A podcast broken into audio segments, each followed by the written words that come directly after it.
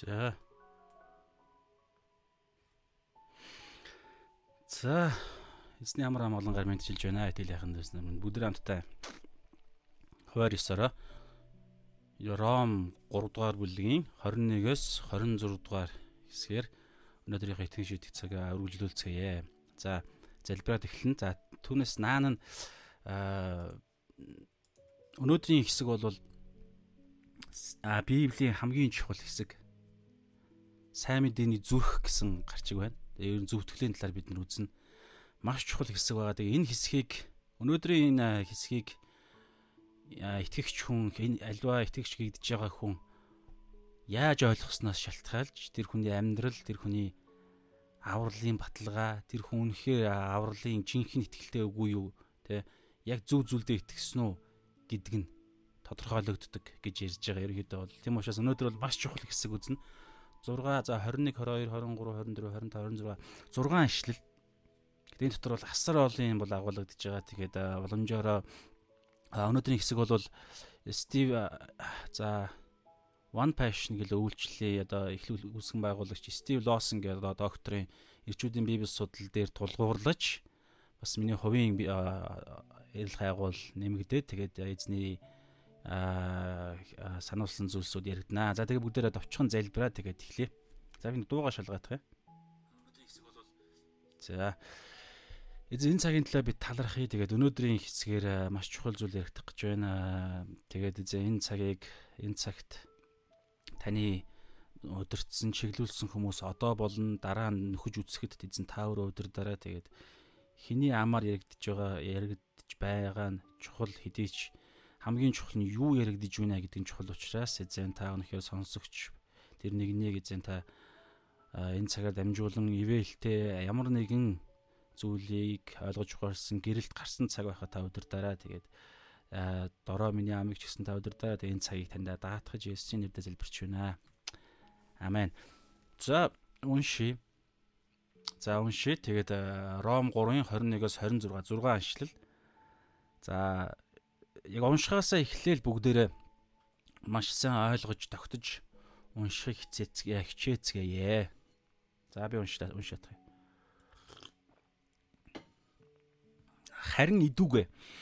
За харин одоо буюу харин идүүгээгээд Ром 1-ийн 18-аас 3-ын 20 хүртэлх дандаа тэ энэ хүртэл ямар аимшигтай аюул дунд муу мэдээ байгааг Паулаар дамжуулан бурхан маш бодит байдлыг нь бүр тал талаас нь ялт тулгсан. Бүх хүн төрөлхтөнд ямар ч хүн төрөлхтөнд хүн бүх хүн төрөлхтөнд. Тэгээд яг энэ цаг мөчид бол одоо ёстой хүн төрөлхтөнд ямар ч найдвар байхгүй өмнөх 20 дугаар ишлэг унших юм бол ингэж байгаа. Учир нь махуд ямар ч махуд хуулийн үйлсээр буюу өөрийнхөө хичээл зүтгэл хүчин чармайлт өөрийн хичээл зүтгэлээр бурхны өмнө зөв төгтөх ямар ч боломж байхгүй Тэгээд одоо тэгвэл яах юм? Ямар ч найдваргүй. Яг энэ үед харин одоо гэд гайхалтай нэгэн мэдээ рүү одоо орж ирж байна. За тэгээ бүгд уншаа 21-ээс. Харин идүүгээ бурхны зөв нь за зөв нь буюу бурхны зөвхт байдал нь. За одоо. За би нэг өөхөр хин чин. За харин идүүгээ а бурхны зөв нь хуулаас ангид илчлэгдэв. Үүнийг хууль ба иш үзүүлэгчид гэрчилсэн юм а. Есүс Христэд итгэх итгэлээр Бурхны зөв нь итгэгч бүхэнд байна. Ялгуурлал байхгүй. Бүгд нүгэл үйлдсэн тул Бурхны алдар сууд хүрдэггүй. Хүрдэггүй авч Христ Есүсийн золилтоор дамжин Бурхны нэгүүлслэр үнгүй зөвтгөгдөжээ. Урд үйл бүртгэгдсэн нүглүүдийг бурхан дэвчиж өнгөрүүлсэн учраас өөрийнхөө зөвийг илэрхийлэхийн тулд түүний цусанд итгэх итгэлээр дамжуулан бурхан түүнийг эвлэрүүлэл гэж нийтэд нийтэд харуулв. Энэ нь идүүгээ цагт өөрийнхөө зөвийг илэрхийлэх зөвийг илэрхийлэх мөн Есүст итгэх чийг зөвтгөхийн тулд билээ. За дахиад нэг уншаадах юм. Харин идүүгээ бурханы зөв нь хуулиас ангид илчлэгдэв. Үүнийг хууль ба иш үзүүлэгчд гэрчилсэн юм а. Есүс Христэд итгэх итгэлээр Бурхны зөв нь итгэгч бүхэнд байна. Ялгуурлал байхгүй. Бүгд нүгэл үйлдсэн тул Бурхны алдар сууд хүрдэггүй авч Христ Есүсийн золилтоор дамжин Бурхны нэгүүлслэр үнгүй зөвтгөгдөжээ. урд үйлдэгдсэн нүглүүдийг бурхан төвчж өнгөрүүлсэн учраас өөрийнхөө зүвийг илэрхийлэхийн тулд түүний цуснд итгэх итгэлээр дамжуулан бурхан түүнийг эвлэрүүлэл гэж нийтэд харуулв. Энэ нь идүүгээ цагт өөрийнхөө зүвийг илэрхийлэх мөн Есүст итгэгчийг зөвтгөхийн тулд билээ. Амен. За энэ хэсгийг та ойлгож иж би бид бүгд ойлгож иж маш зөв ойлгож иж аа бидний амьдралын бүх зүйл шийдэгдэж шийдэгддэг аа бас энд Мартин Лютерийн хэлсэн үг гэдэг юм байна л да. Аливаа чуулганы сэрг сэргхүү эсвэл унахуу доройтох уу гэдэг нь энэ аа өнөөдрийн үзэж байгаа энэ ойлголтыг зөв ойлгож гинөө буруу ойлгож гинөө гэдгээс шалтгаалдаг гэсэн байна. Аливаа чуулганы сэргэлт эсвэл уналтыг тодорхойлдог энэ зөвтгөлийн талаарх энэ аа сургаал гэдэг гэж хэлж болно. Энэхүү үнэн зөвтгөл гэдэг үг. Өнөөдрийн гарчиг бол сайн мэдээний зүрх буюу зөвтгөл. Зөвтгөл Тэгээ энэ зөвтгөлийн номлолд хоёрдмол утга гэж юусоо байхгүй. Нэг л утга байгаа. Тэгээ тэр нэг цор ганц төгс тэр нэг утгыг тухайн итгэгч хүн ойлгосноо үгүй юу гэдгээс шалтгаалж Библийн бусад хэсэг тэр чигээрээ яаж ойлгохдох нь шалтгаалд тодорхойлогдно. Яаж тайлбарлахдах нь тодорхойлогдно гэсэн нөгөө гажуурсах уу эсвэл яг Библийн дагуу ойлголт уу гэдэг. За тэгээ бүгдээр ерөнхийд нэг өмнөх хэсгийн нэг товчхон өнөөдрийн хэсэгтээ энэ шилжилтийг хараад тэгээд оръё. Тэгэхээр Ром 1-ийн 18-аас 3-ын 20 хүртэл бүх хүн төрлөختний буруутгал ял шийтгэлийн талаар Паулоор дамжуулан бурхан бодит үнэнг танилцуулсан. Тэр нь бол бүх хүн нүгэлтэй. Тэгээ нүглийн хөлс бол үхэл бүх нүглийг бурхан шийдэхийн тулд бурханы уур хилэн байгаа. Тэгэхээр бурханы уур хилэн дор бүх хүмүүс байгаа. Ягаад тэгэхээр бүх хүмүүс нүгэл үйлдсэн учраас. Ром 3:23 өнөдөр үзэх хэсэгт байгаа. Тэгэхээр энэ эндээс харин одоо гэж түрүү хэлсэнчлэн харин одоо гэд гайхалтай нэгэн үнэн танилцуулагдах гэж байна. Нэг чиглэл рүү, шилжилт рүү одоо орж байгаа. Тэр нь юу гэхээр зөвтгөл. Зөвтгөлийн талаар бид үзэх гэж байна. Тэгээ энэ үнэн үннийг ойлгоогүй, энэ үнэн үнэнд итгээгүй, энэ үнэнтэй нэгдээгүй хүн болвол үргэлжлүүлэн ялд ор байгаа. Өөрийгөө итгэгч Тэгээ одоо юу гэдэг өөрийгөө юу гэж хэлэх нь хамаагүй. Яг өнөөдрийн үзэж байгаа үнэн буюу сайн мэдээний зүрх гэж байгаа. Яг юу нь сайн мэдээг сайн мэдээ болгоод байгаа. Тэрнээс биш гой цуглаан эсвэл бол нэг юм нэршил шашин юус ярихдаггүй шүү дээ.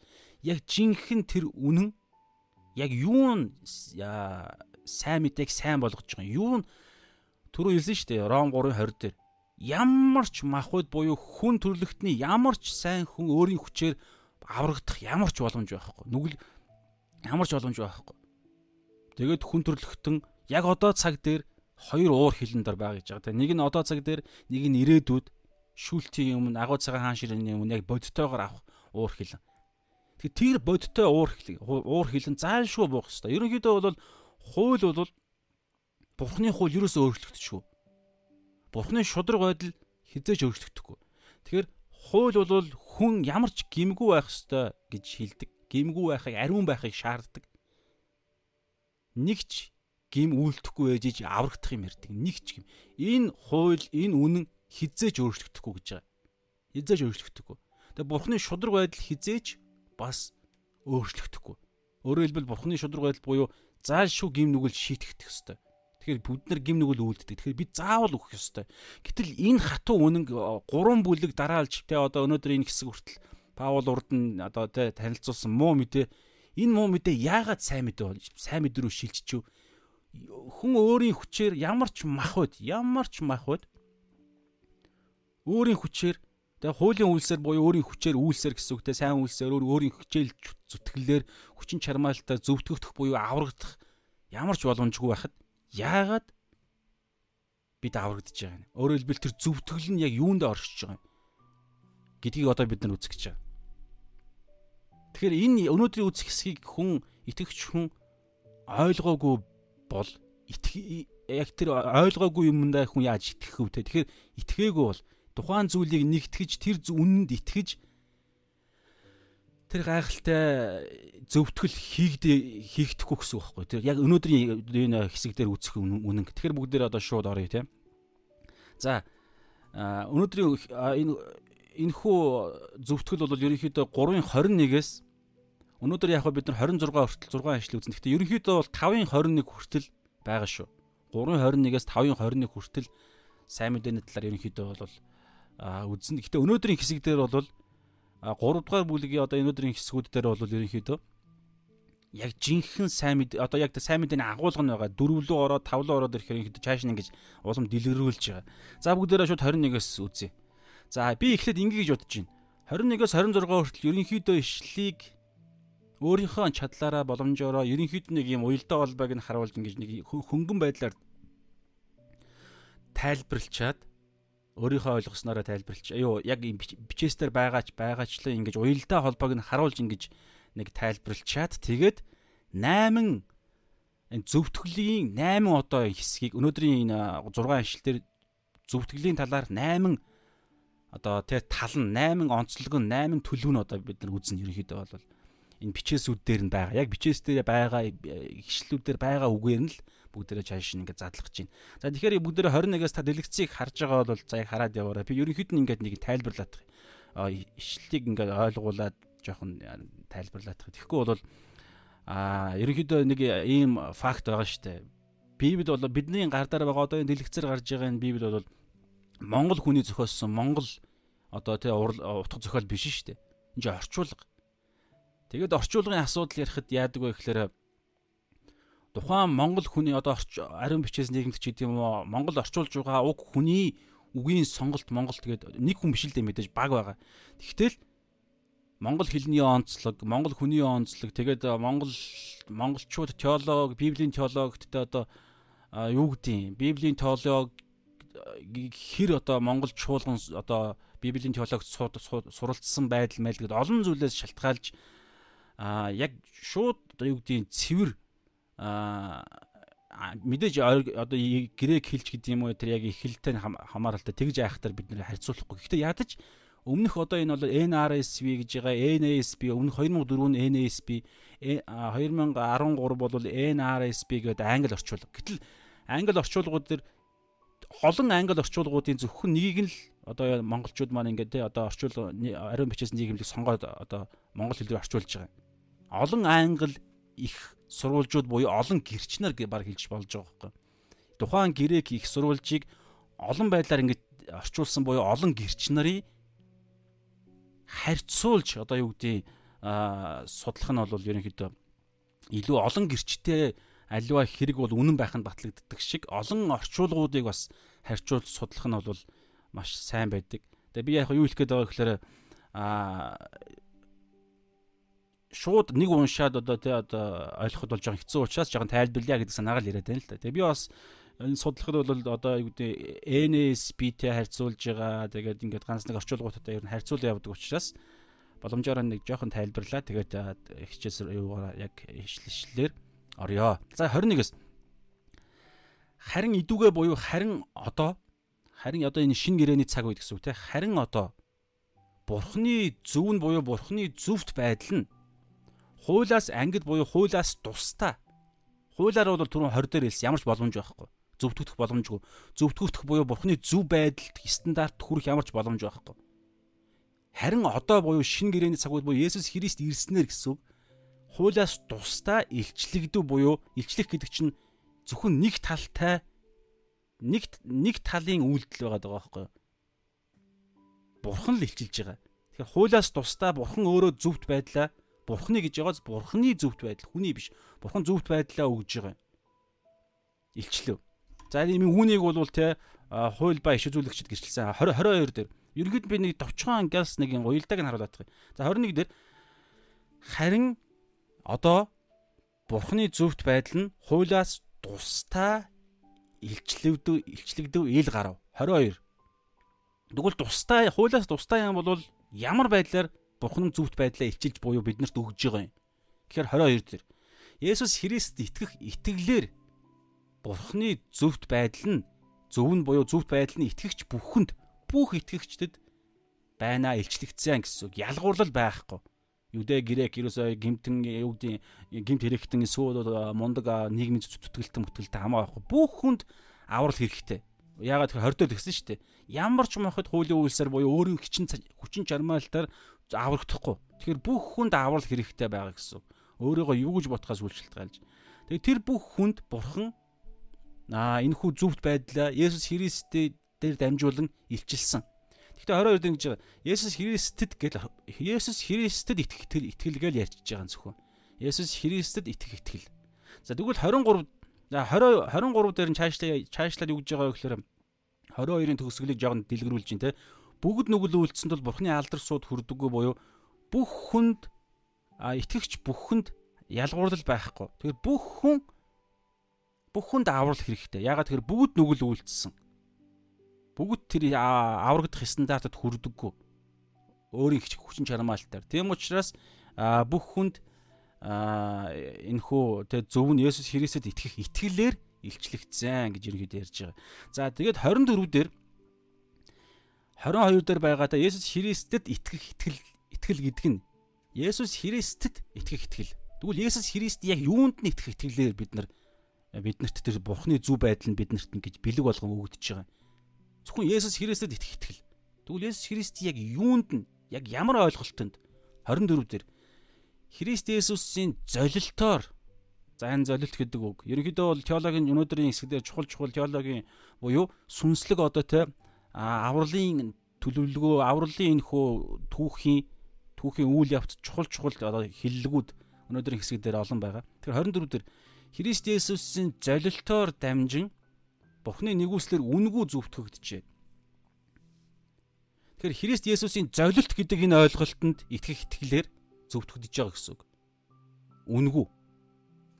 За 25 дээр энэ 24-ыг бүр дэлгэрүүлж байгаа. За би ингээ ерхэд нь бол ишлэлээр ярихдаа 8 8 ойлголтыг өнөөдөр бид нэр үзэн тэрийг үзэхэд ерхэд дэлгэрэнгүй чааш ингээд судлан. Гэхдээ одоо тойм маягаар явж байна. За 25 дээр Тэгвэл Есүс Христийн дээр золилтонд итгэх итгэлээр бүх хүн зөвтгөх юм байна.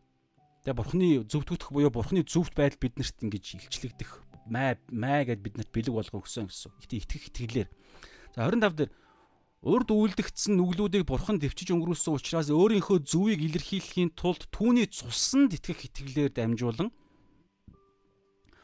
дамжуулан бурхан түүнийг эвлэрүүлэг гэж нийтэд харуулв.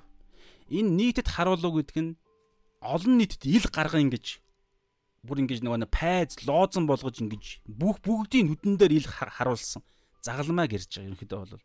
Загалмайг түүний цус гэдэг ойлголт бол энэ цус гэдэг чинь ерөнхийдөө бол хүний цуснд ам байдаг буюу үхэл Есүс Христийн загалмай дээрх үхлээр дамжуулан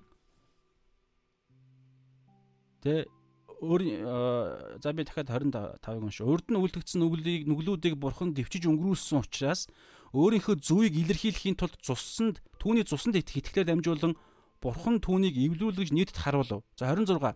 Идүүгээ энэ нь идүүгээ цагт өөрийнхөө зүвийг илэрхийлэх мөн Есүс итгэгчийг зөвтгөхийн тулд билээ. Зөвтгөх. Тэрээс Христийн ерөнхийдөө бацаад өнөөдрийн хэсгийг ерөнхийдөө бацаад бацах юм бол нэг ийм л ойлголт ярьж байгаа гэсэн. За 20 20-оос л эхэлнэ гэсэн үг те. Өөрийн хүчээр хинч бурхны зөвхт байдлын стандартад хүрэх боломжгүй. Буюу бүх хүн аврагдахгүй ял шид бурхны уур хилэн мөнхөд хүртэж галтай нуурт тамлагдах ёстой. Энэ бол яа хөдөлшгүй баримт. Бүх хүн ийм байна. За харин 21-ээс ингээд харин харин энэ бодит фактаас тусдаа нэг үйл явдал итгэх итгэлээр бид нар зөвтгөх боломж гарч иж байгаа. Тэр нэг үйл явдал нь юу гэхээр Есүс Христийн загалмай дээрх үхэл буюу тэр цус буюу загалмай дээрх үхэлд нь итгэх үед бид Бурхны зөвхт байдлыг авдаг, бэлэг болгоо авдаг. Өөрөөр хэлбэл Бурхны зөвхт байдлын стандартад бид хүрдэг гэсэн үг автоматар. Есүс Христийн загалмай үхэлд итгэх үед За ерөөхдөө иймэрхүү ойлголт байгаа. Энэ бол маш том том той маягаар ерөөхдөө хэлж байгаа. За иймэрхүү санаан дотор бүгдээрээ 8 ойлголтыг үзье. За тэгэхээр энэ 8 зүйлийг ярихад энэ бурхны энэ зөвтгөл за бурхны зөвхт байдал гэдэг за би нэг зүйлийг тайлбарлах хэрэгтэй юм байна. нэг ийм хоёр ойлголт хоёр үг байгаа байхгүй. За би ингээд та дэлгэцийг харж байгаа бол нэг юм өөрчлөлт хэл да. Зөвтгөл биш ээ. За болно. Зөвтгөл зөвхт байдал. Ер нь Библи судал бид нар ч насан туршдаа Библи судлах учраас чухал чухал одоо энэ хиллгүүдийг ойлгох хэрэгтэй те. Тэгэхээр зөвтгөл зөвхт байдал гэд хоёр үгийг одоо давчхан тайлбарлачаа цааш нь яваа гэж бодож байна. Тэгэхээр юу вэ гэхээр зөвхт байдал гэдэг бол түрүүн ярьсан ерөнхий маш тойм байдлаар ярих юм бол ерөөсөө бурхны стандарт нэгч гимгүү байдлыг ярьж байгаа. Хуулийн шаарддаг зүйл гэсэн. Нэгч гимгүү төгс ариун байдал.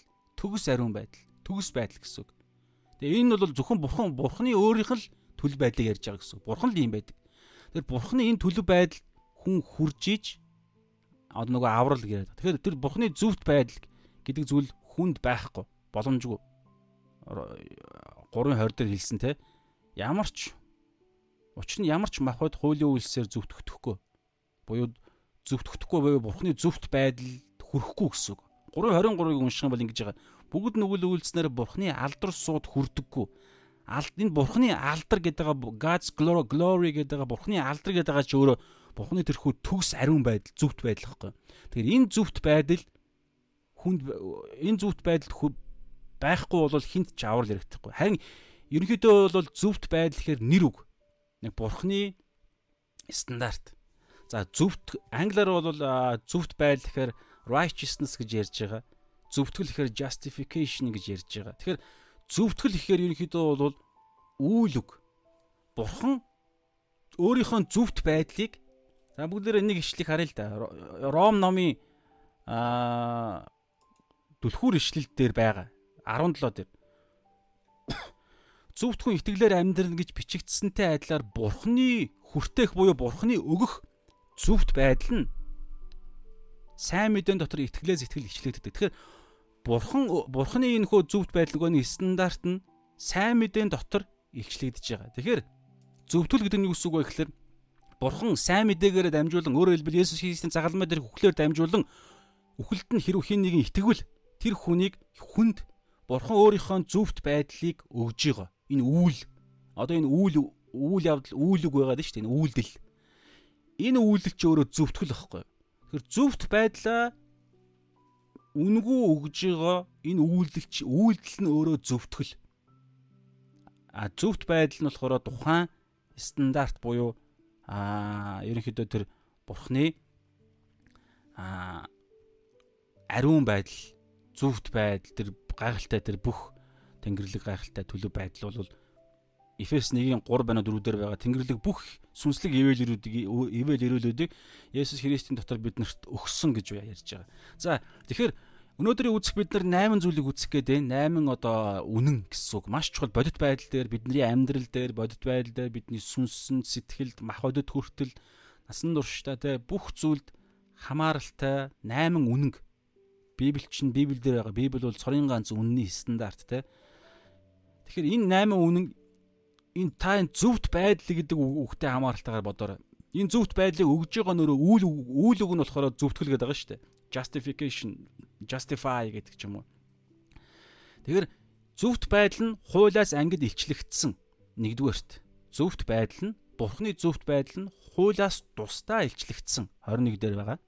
Хоёрдугаарт нь Бурхны зөвхт байдал нь одоо ерөнхийдөө дандаа бурхны зөвхт байдал гээл ард нь залгаал 8 ямиг бид нар үзнэ гэсэн. Нэгдүгээрт бурхны зөвхт байдал нь 21 дээр хуулиас тусдаа биднэрт илчлэгдсэн.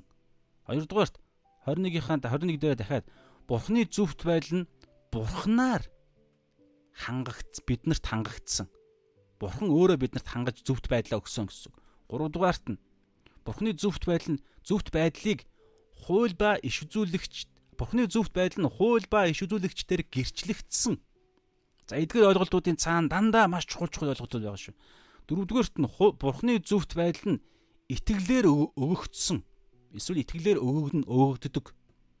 За ерөнхий хүн төлөвтнөр ярих юм бол итгэлээр өгөгдсөн. За тавдугаарт нь Бурхны зөвхт байдал нь бүгдэд бүгдэд дутагдсан буюу Бурхны зөвхт байдал бүгдэд хэрэгтэй гэсэн үг. Би нөгөө артлын аа төгсгөлийн холбох гээд тэг дутагдсан гэдэг байдлаар бичигдсэн. Бурхны зөвхт байдал бүгдэд бүгдээр дутгах дутагдсан. Бүгдээр. Биш ээ. Бурхны зөвхт байдал бүгдэд дутагдсан тий. Бүгдэд. За 6 дугаарт нь Бурхны зөвхт байдал Бурханаар тунхаглагдсан. За бид нарыг үүснэ. 7 дугаарт нь Бурхны зөвхт байдал бидэнд бэлэглэгдсэн. Төлөөс болж өгс юу гэдэг шагнал болгож юу гэдэг төлбөр болгож өгсөн биш.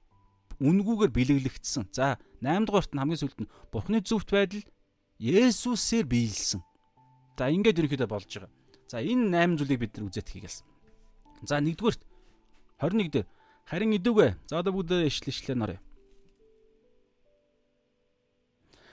Харин идүүгээ бурхны зөв нь хуулаас зөв нь буюу зүвт байдал нь гэсэн үг те. Ром 1-ийнхаа 17 дээр те. Бурхны хүртээх зүвт байдал энэ үгчийг адилхан үг байхгүй юу? Righteousness Тэгэхээр энэ бурхны зөвхт байдал би нэг ишлэг танд уншаадах юм. Та энэ ишлэгийг шууд мэдж байгаа мэдж байгаа гэж бодож байна. Мата 6-гийн 33 дээр санаж байгаа бол гагцхүү эхлээд бурхны хаанчлал ба зөвхт байдлыг хайхтун. Тэгвэл энэ бүхнийг та нарт нэмж өгнө.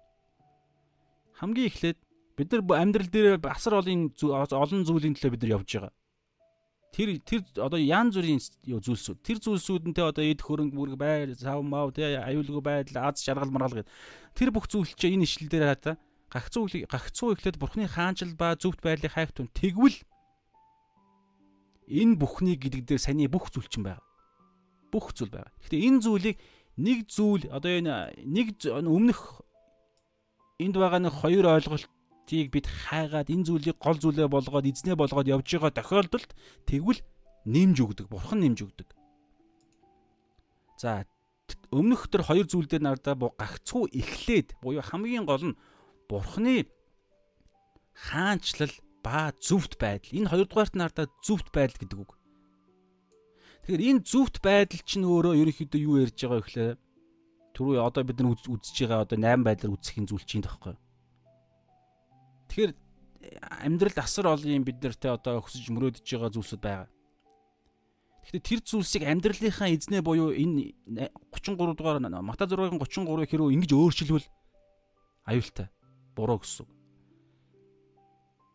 Гагцхүү эхлээд энэ бүхнийг энэ бүхнийг буюу одоо ямар нэгэн зүйлсүүдийг Бурхны хаанчлал зөвхт байдлаас л өөр ямар нэгэн зүйлсүүдийг эхлээд хайвал аюултай гэсэн үг бүр цаашлаад энэ ойлголт яригдвал бүр аврагдаагүй зөвтгөгдөөгүй хүн хүртэл яриг хүний ойлголт хүртэл яригддаг. Мата 7-гийн 21-оос 23. Эзэм нь эзэм нь гэсэн мөртлөө эзнээ болгоогүй. Тэгэхээр энэ гагцгүй эхлээд гээд байгаа чинь ерөнхийдөө амьдралынхаа жанжин шугам, амьдралынхаа зориг хамгийн гол зүйл зүрхэн зүрх юугаар бялхан ам түүгээр ярддаг гэдэг шиг зүрх юугаар бялхан ам түүгээр ярддаг гарч гисэн түүний түүний дагуу үйлддэг хөл маань ч гэсэн тэрл зүрхнийхаа бялхлыг зүрхнийхээ хүслийг хэрэгжүүлэхээр хөл нь бас явдаг. Тэгэхээр эхлээд буюу хамгийн гол нь бид Бурхны хаанчл зүвт байдлыг хайх гэдэг юм яригдчихэж байгаа. Тэгж тэгэх юм бол бидний хүсэж байгаа зүйлсүүд нэмж өгөгдөнө. Тийм учраас хэлэх гээд байгаа санаа өнөөдрийн энэ үзэх зүйлийг маш сайн ойлгосон тохиолдолд авралын баталгаа яригддаг. Дээр нэмээ сая Мата 6-гийн 33-ын дагуу энэ дэлхийн араас нь өхөн хатан яваад байгаа тэдгээр зүйлсүүд хүртэл биднэрт нэмж өгөгддөг гэж ярьж байгаа. Энэ бол эзний амлалт, бурхны амлалт. Энэ амлалтаасаа бурхан хизээж өөрчлөгдөхгүй. Бурхан хэлсэн үгнээс хизээж ухрахгүй. Хэрвээ тэгвэл бурхан төгс бурхан байхаа болно гэсэн. Худалч бурхан болно гэсэн үг. Худалт бурхан буюу 10 хуулийн зөрч нэгийг нь зөрчиж байгааз бүх худал яар. Тэгээ бурхан гимтэй болно гэсэн. Тэгэхээр ийм ойлголт ерөөсөө байхгүй. Тийм учраас Библийн Библиэлд хэлэгдэж байгаа үг амлалт тэр тусмаа амлалт бол бид л биелүүлж чадвал гарцаагүй заавал биелнэ. Хэрвээ биелэхгүй бол бурхан бурхан биш болно гэсэн. Тэгэхээр бурхан тийм ойлголт юусэн байхгүй. Бурхан бол төгс бурхан. Omnipotent, omnipresence, omniscience төгс хүч чадалтай ер бусын бурхан тий. За тэгэхээр харин идүүгээ буюу харин одоо шин гэрэний цаг үед Есүс Христийн ирсэн цагаас эхлэн шин гэрэний үе гэсэн үг шүү дээ. Гэхдээ яг шин гэрээ бол загалмай өхлөөр эхэлж байгаа шүү. Гэхдээ ерөнхийдөө идүүгээ буюу цагийн дүүрэл гэж яриад байгаа бас теологийн зарим хэллэгээр бол яг ингээд тэр яг цаг нь болоод аврал танилцуулагдаж байгаа байхгүй. Бурхан хүн болж ирж байгаа. Тэгэхээр идүүгээ тэр цагт Бурханы зөвхт байдал нь хуулаас тусдаа илчлэгдэв. Хуулаас ангид. За энийг бүгдээрээ үзье. Хуулаас ангид тусдаа илчлэгдэв. За тэгэхээр Эфес 2-ын 8 дээр хуулаас ангид илчлэгдсэн гэдэг энэ үг өөр нэг байдлаар хэлж байгаа. Эфес 2-ын 8-аас 9-ийг уншия. Нэгүслийн учир итгэлээрээ аврагдсан нь та нараас бус. Харин Бурхны бэлэг бөгөөд үйлсээр чинь биш тул хинч үл сайрах болно.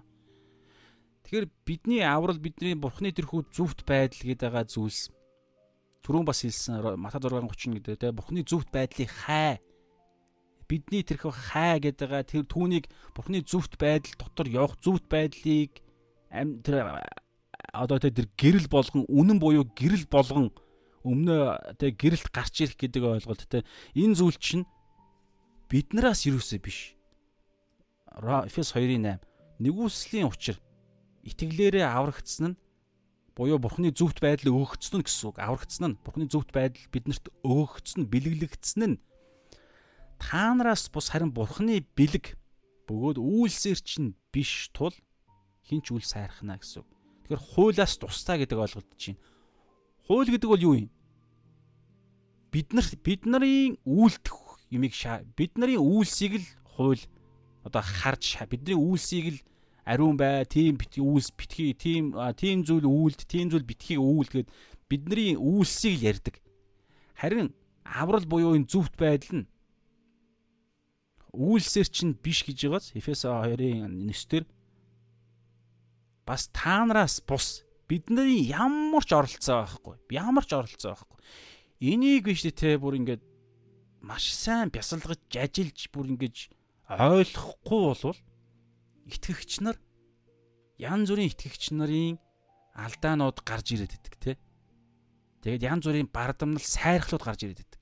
Та одоо нэрээр да хэрүү итгэгч хүн ямар нэгэн байдлаар яг одоо одоогийн төлөв байдал байгаа одоо ивэд ирүүлөө ямар нэгэн байдлаар ямар нэгэн байдлаар би библийн сургууль төгссөн учраас эсвэл би бусдыг ингэж те бусдад ингэж сайн үйлчлдэг учраас эсвэл би эсвэл би те юу гэх ийм сайн үйлстэй учраас те наана хэлэхгүй ч гэсэн цаана. Эсвэл би те библийг ингэж судалсан учраас ингэж мундаг гэдэг. Эсвэл би ингэж 11 10-ныхаа 1 байтугай 10-ныхаа 50 10-ныхаа 10%-ийн ч юм уу те би ийм сайн үйлс хийдэг учраас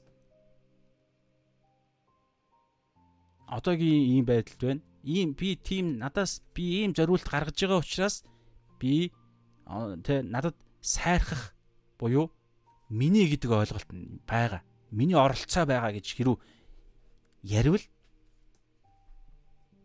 сайн мэдээний зүрх болсон зөвтгөлийг тэр хүн ойлгоогүй байна гэсэн үг байхгүй. Ингиж ярьж байгаа. Юусе ойлгоогүй байна гэсэн үг. Зөвтгөлийг юусе ойлгоогүй байна. Есүс Христийн загалмай дээр одоо бид нар доор үзсэн загалмай сайн мэдээ тэр жинхэнэ итгэл гэдэг ойлголт тэр хүн асуудалтай байгаа даа байхгүй. Жинхэнэ итгэлж итгэлд асуудал байна гэсэн. Хольц байна гэсэн. Тэгэхээр ардаа итгэгч хүн ерөөсөө сайрхах итгэгч хүнд итгэгч хүнд сайрхах юм юу ч байхгүй. Ямар ч итгэгч хүнд. Паул хэлж байгаа шүү дээ. Хэрвээ би сайрхвал сул дорой байдлаараа сайрхах гэж ярьж байгаа. Паул төгс одоо тэ төгс шидэг төгссөн ч хаашаа юм дээ бидний мэдих хамгийн тий одоо а мундаг золиостой зориулалттай өхн өхлөнд хүртэл мартер болж өгсөн. Тэгээ маш үнэхээр мундаг тэр нэгэн хүртэл хэлэхтэй тэгээ асар мундаг мэдлэгтэй одоо энэ рав номыг харалтаа бид нар үзэж чинь маш өндөртэй гайхалтай мэдлэгтэй зориулалттай. Тэр нэгэн хүртэл өөрийн өөрийнхөө тэр мэдлэгээрээ ер сайрахгүй байгаа байхгүй сайрах юм юусоо байхгүй. Би сайрах бол сул дорой байдлаараа сайрах. Гэтэл итгэгч нар бид нар ямар нэгэн байдлаар сайрах юм байгаа гэж бодвол ерөөсөө Есүсийн загалмай үйл явдал итгээгүй байна л гэсэн үг. Итгэсэн гэж ойлгож болж ойлгож ойлгож бол эсвэл дутуу итгэсэн гэж яг зөөлөлж яри. Гэтэ ерөнхийдөө бол ингэж ярихгүй байгаа байхгүй. Библийн теологчдод бол тэр хүн үргэлжлүүлэн ялд ороо байгаа мэт ярьж байгаа ерөнхийдөө бол төгс төр зөвтгөлийг хүн ойлгож ижил төг бишээ төгс төр тий зөв зөвтгөлийг ойлгож иж хүн төгс аврал дотор байна гэсэн бол тэгэхээр хуулиас ангид гэдэг нь бидний үйлсээр биш.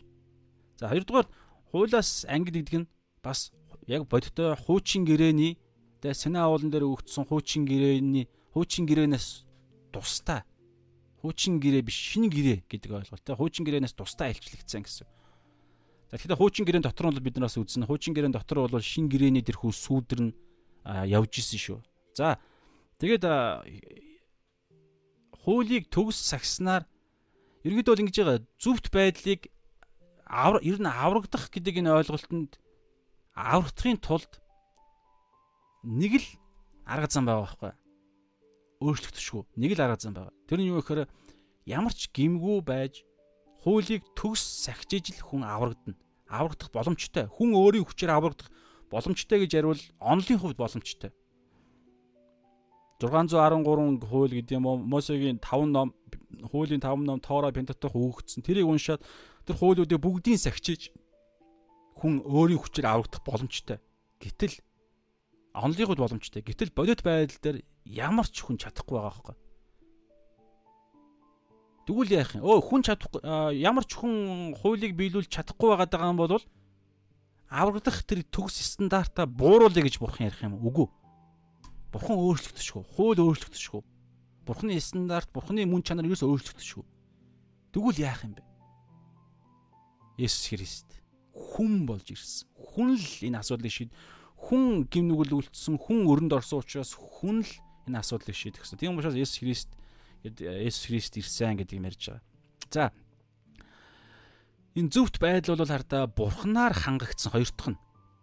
Бүгдээрээ 21 дээр Харин идүүгээ Бурхны зөв нь хуулаас хуулаас ангид илчлэгдсэн. Тэгэд Бурханаас үүнийг хууль ба а харин идүүгээ Бурхны гэж байгаа. Бурхны хүний биш Бурхны зөвхт байдал. За 22 дээр бас Есүс Христ итгэх итгэлээр итгэлээр Бурхны зөв нь итгэгч бүхэнд байна. Бурхны зөв нь хуулаас ангид гэж байгаа. Та ерөнхийдөө бол те харах юм бол бурхнаар хангагдсан гэж байгаа энэ ойлголтыг дэмжих хэд хэдэн үг байгаа. Нэгдүгээр энэ хариалгын тийм бол бурхны зөвхт байдал. Бурхан өөрийнхөө зөвхт байдлыг одоо би энэ утас энэ миний утас. Тэгвэл энэ та миний өмнө зогсчихлоо гэж бодъё л доо. Тэгэхээр танд утас гар дээр чинь та хоёр гараа дэлгэхэд хоёр гар дээр чинь команд чинь таны бид юус ямар ч утас байхгүй. Тэгэхээр энэ бол надад байгаа утас. Хууль ёсны дагуу энэ минийх. Тэгэхээр энэ утас танд таних болох ганцхан арга зам байна. Миний утас шүү дээ. Миний утас таних болох ганцхан арга зам байна. Хууль ёсны дагуу би өөрөө танд маа гэд өгөх тохиолдолд өөрөөр би би өөрийнхөө имийг танд өгж ижил миний юм таних болно гэсэн. Миний юм таны танд хамааралтай болно гэсэн. Тэгэхээр энэ зөвхт байдал гэдэг байгаа чинь Библиэлд зөвхт байдал гэдэг үг гарах тохиолдол та дандаа дандаа Бурхны зөвхт байдал гэж ойлгоорой дамаа итгэх шинэ гэрээн дээр яригдж байгаа. Итгэгчд яригдж байгаа. Итгэгчдийн хувьд шинэ гэрээн дээр бол зөвхт байдал гэдэг нь ерөөсө дандаа бурхны зөвхт байдал яригддаг. Түрүү Мата 6:33 та юуны юуны түрүүнд эхлээд бурхны хаанчл болон зөвхт байдал гэдгийг баг бурхны хаанчл болон бурхны зөвхт байдлыг хаа гэж хэлсэн ч болно. Угаасаа тийм байхгүй. Righteousness гэдэг righteousness гэдэг чинь дандаа бурхны зөвхт байдал. Тэгэхээр бурхнаар хангагдсан. За тэгэхээр бурхнаар бурхнаас хангагдсан энэ зөвхт байдал. Тэгэхээр бурхны шаарддаг зүйлийг бурхан л өөрөө хангаж чаддаг гэж байгаа. Бурхны шаардлагыг бурхан өөрөө л хангана. Хүн хангах ямар ч боломж байхгүй. Боломжтой гэж бодох тэр мөчөөс эхлээл хүн эргээд өнөөдөр бид нар Ром 3:21-ээс үзэж эхэлж байна те. Одоо сайн мэдээр орж байна. Тэгэхээр хэрвээ хүн ямар нэгэн байдлаар авралт, зөвтгөлд тэгээ би одоо юу гэдэг бурхан та тий бурханд таалагдах бурхнаар хайрлагдах бурханд таалагдах гэдэг энэ стандарт хүрэхийн тулд би ямар нэг юм хийнэ гэж хин хин нэг хүн ярих юм бол бодох юм бол тэр хүн шууд Ром 3:21-оос бид үзэж байгаа энэ хэсгээс ухарна гэсэн үг. Шууд 20 19 гээл цаашаа Ром 1:18 руугаа эргэж очно гэсэн үг. За бүгдээ харъя л та. Ром 3:20 дээр өгж байна. Ямар ч махбод хуулийн үйлсээр түүний өмнө зөвтгөгдөхгүй. Тэгсэн чинь аа би зөвтгөгднөө би бурхан таалагдах нь таалагдахад миний ямар нэг оролцоо байна гэж хэрэг хин нэг хүн бодгол юм бол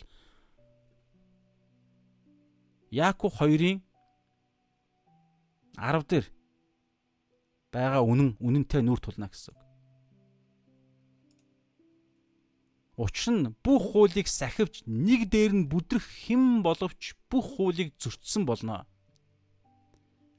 Нэг л хууль товчхонтой бол зүгээр би ямар нэгэн оролцоо, би ямар нэгэн хичээл зүтгэлтэй байж иж бурхан таалагдах, бурханаар хайрлагдах, хайрлагдана гэж бодоод хичээл зүтгэл гаргаад явж байгаа хин нэг хүн байвал шууд хууль руу орж байгаа байхгүй. Хүн хуулийн үйлсээр зөвтгөх гээд хуулийг биелүүлж иж би бурхнаар хайрлагдах гад бурхнаар зөвтгөх гээд хичээж байгаа хүнтэй адилхан болно гэсэн. Хэрвээ ийм юм яривал бараг бурхан ингэ гэсэн үг байхгүй. Төгс өөрийг нь бид нарыг хайрлах тэгээ бид бурхнаар хайрлагдах төгс арга замыг төгс нэг юм хаалга онгойлгоцсон байхад тэр хаалгаар орж ирэхгүйгээр өөр нэг хаалгыг хайгаад өөрөө нэг өөр нэг хаалга хийж мэгээд ингээд яв явж байгаатай адилхан. Хэрвээ тэр ганцхан Иохан 14:6 би бол цорын ганц зам үнэн амин Матай дээр бас тэ хэлж байгаа хавчиг хаалга жижигхэн хаалга давчуу хавчиг хаалга буюу Есүс Христ. Тэгэхээр үүгээр орж ижил аминд орно гэд. Тэгсэн чинь өөр нэг ямар нэг үгүй би нэг жоохон хичээгээд хидаа гэж хэрүү хин нэг үү ярих гэдэг бол төгс цор ганц тэрхүү загалмай үйл явдал Есүс Христийн хуулийг биелүүлсэн тэр зүйлийг итгэхгүй байна гэсэн үг. Тэр зүйлийг тоохгүй байна гэсэн үг. Тэр төгс хийгдсэн Есүс Христийн үхлийг үн цэнэгүй болгож байна гэсэн үг. Голж байна гэсэн үг. Харин оронд нь би илүү сайн э, үйлсээрээ би бурхан таалагдах гад хичээж байгаа тагаад л. Ийм юм ярихад Библи дандаа ийм ярьж байгаа юм гэдэг. Гэтэ энэ дунд нь ойлголтууд бол байгаа шүү. Тэглээгээ те зүгээр итгэл тэгээ ямар ч хичээл зүтгэл байхгүй ямар ч те одоо юу гэдгийг а бүхний үгийг сахих гэж хичээж байгаа тэр хичээл зүтгэл юусоо байхгүй гэдэг ойлголт юусоо ярихгүй. Зөвтгөгдөх гэдэг юм яриад байгаа шүү. Ариусгал авралын түүхийн авралын төлөвлөгөө авралын түүхийн теологи гэж ярьдаг энэ хүү одоо сүнслэг энэ ертөнд сүнслэг амьдралын олон зүйлсүүд ярихад чухал чухал хэдэн үгсүүд байгаа байхгүй. Одоо хамаа өнөөдөр яг саяны ярьж байгаа энэ ойлголттой бурхны өмнө таалагдах авраг за аврагдах гэдэг үг бурхнаар зөвтгөх гэдэг энэ ойлголт ярихад бидний ямар ч оролцоо байхгүй. Дахин төрөх бурхны хөвгүүд охид болж Йохан 3 дээр хэлж байгаа усбаа сүнсээр дахин төрөх гэдэг энэ ойлголт ярихад аврагдах буюу дахин төрөх зөвтгөгдөх гэдэг ойлголтууд чинь адилхан тэнцүү тэнцүү адилхан ойлголтууд байхгүй юу? Араа өөр өөр байдлаар ингэ илэрхийлэгдэж байгаа. Тэгээ энэ зүйл ярихад бидний ямар ч оролцоо байхгүй. Нэг ч оролцоо байхгүй. Зөвтгөгдөх гэдэг үг ярьж байгаа шүү дээ. Зөвтгөгдөх, аврагдах, дахин төрөх гэдэг энэ ойлголтууд ярихад бидний ямар ч оролцоо байхгүй.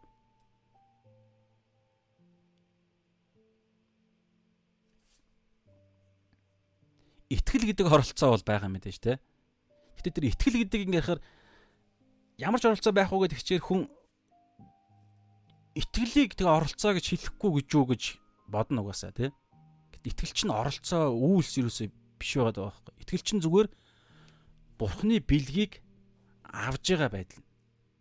А тэгтээ тэр бэлэг нь өөрөө ямар бэлэг гэдэг бол шал өөр том асуулт асуулт шүү. Тэгвэл тэр авралыг гараа сунгаад авж байгаа. Энэ ажил гэж юу? Бидний оролцоо гэж юу? Оролцоо биш байгаа зү. Ямар ч бидний үйл шаарддаггүй. Хүн үлссэн байна. Асар их ам цангаад хатаж өгч чинь. Тэнгүүтэлтэй маа маань сайхан хүүтэн усыг тэ амт цангаж гинөө элсэн цөл явж байгаа хүнтэй маань хүүт усыг уу гэдэг тэ нэг юм хоёр алхмын зайтаагаас хүн гараа сунгаад нэг юм савтаа ус өглөө гэж бодъё. Тэг хоёр наашаа алхаж байгаа тэр үйлдэл нь ажил болно гэж юу? Оролцоо гэж юу? Тэгээд тэр хүн усыг гар миний гарнаас аваад уухта баярлаа гэж хэлэхгүй байлаа гэж бодъё.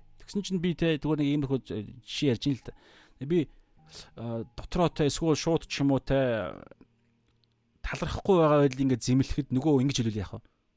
Яагаад би таларх нь гэж сая би өөрөө ажил хийгээд өөрийнхөө ажлынхаа хөлсийг авж штэ гэж ярьлаа гэж бод. Ямар ажил? Би хоёр алхсан. Хоёр алхаж өөрлөө ч очсон. Энэ 9 цүлд би хоёр алхам хийсэн. Миний ажлын хөлс. Гараа би ингээд сунгасан. Миний ажлын хөлс авсан. Гараас ч өөрөөс ч аваад ингээд тэр тодорхой хэмжээнд 500 г ч юм уу тэр усыг би ингээд өргөөд өөрийнхөө ам руугаа ойртуулсан. Ажил.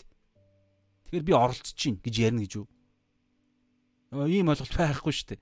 Яг энтэй адилхан ойлголт байгаа байхгүй. Итгэл гэдэг чинь өөрөө аврагдахад бидний оролцсон ерөөсөө биш.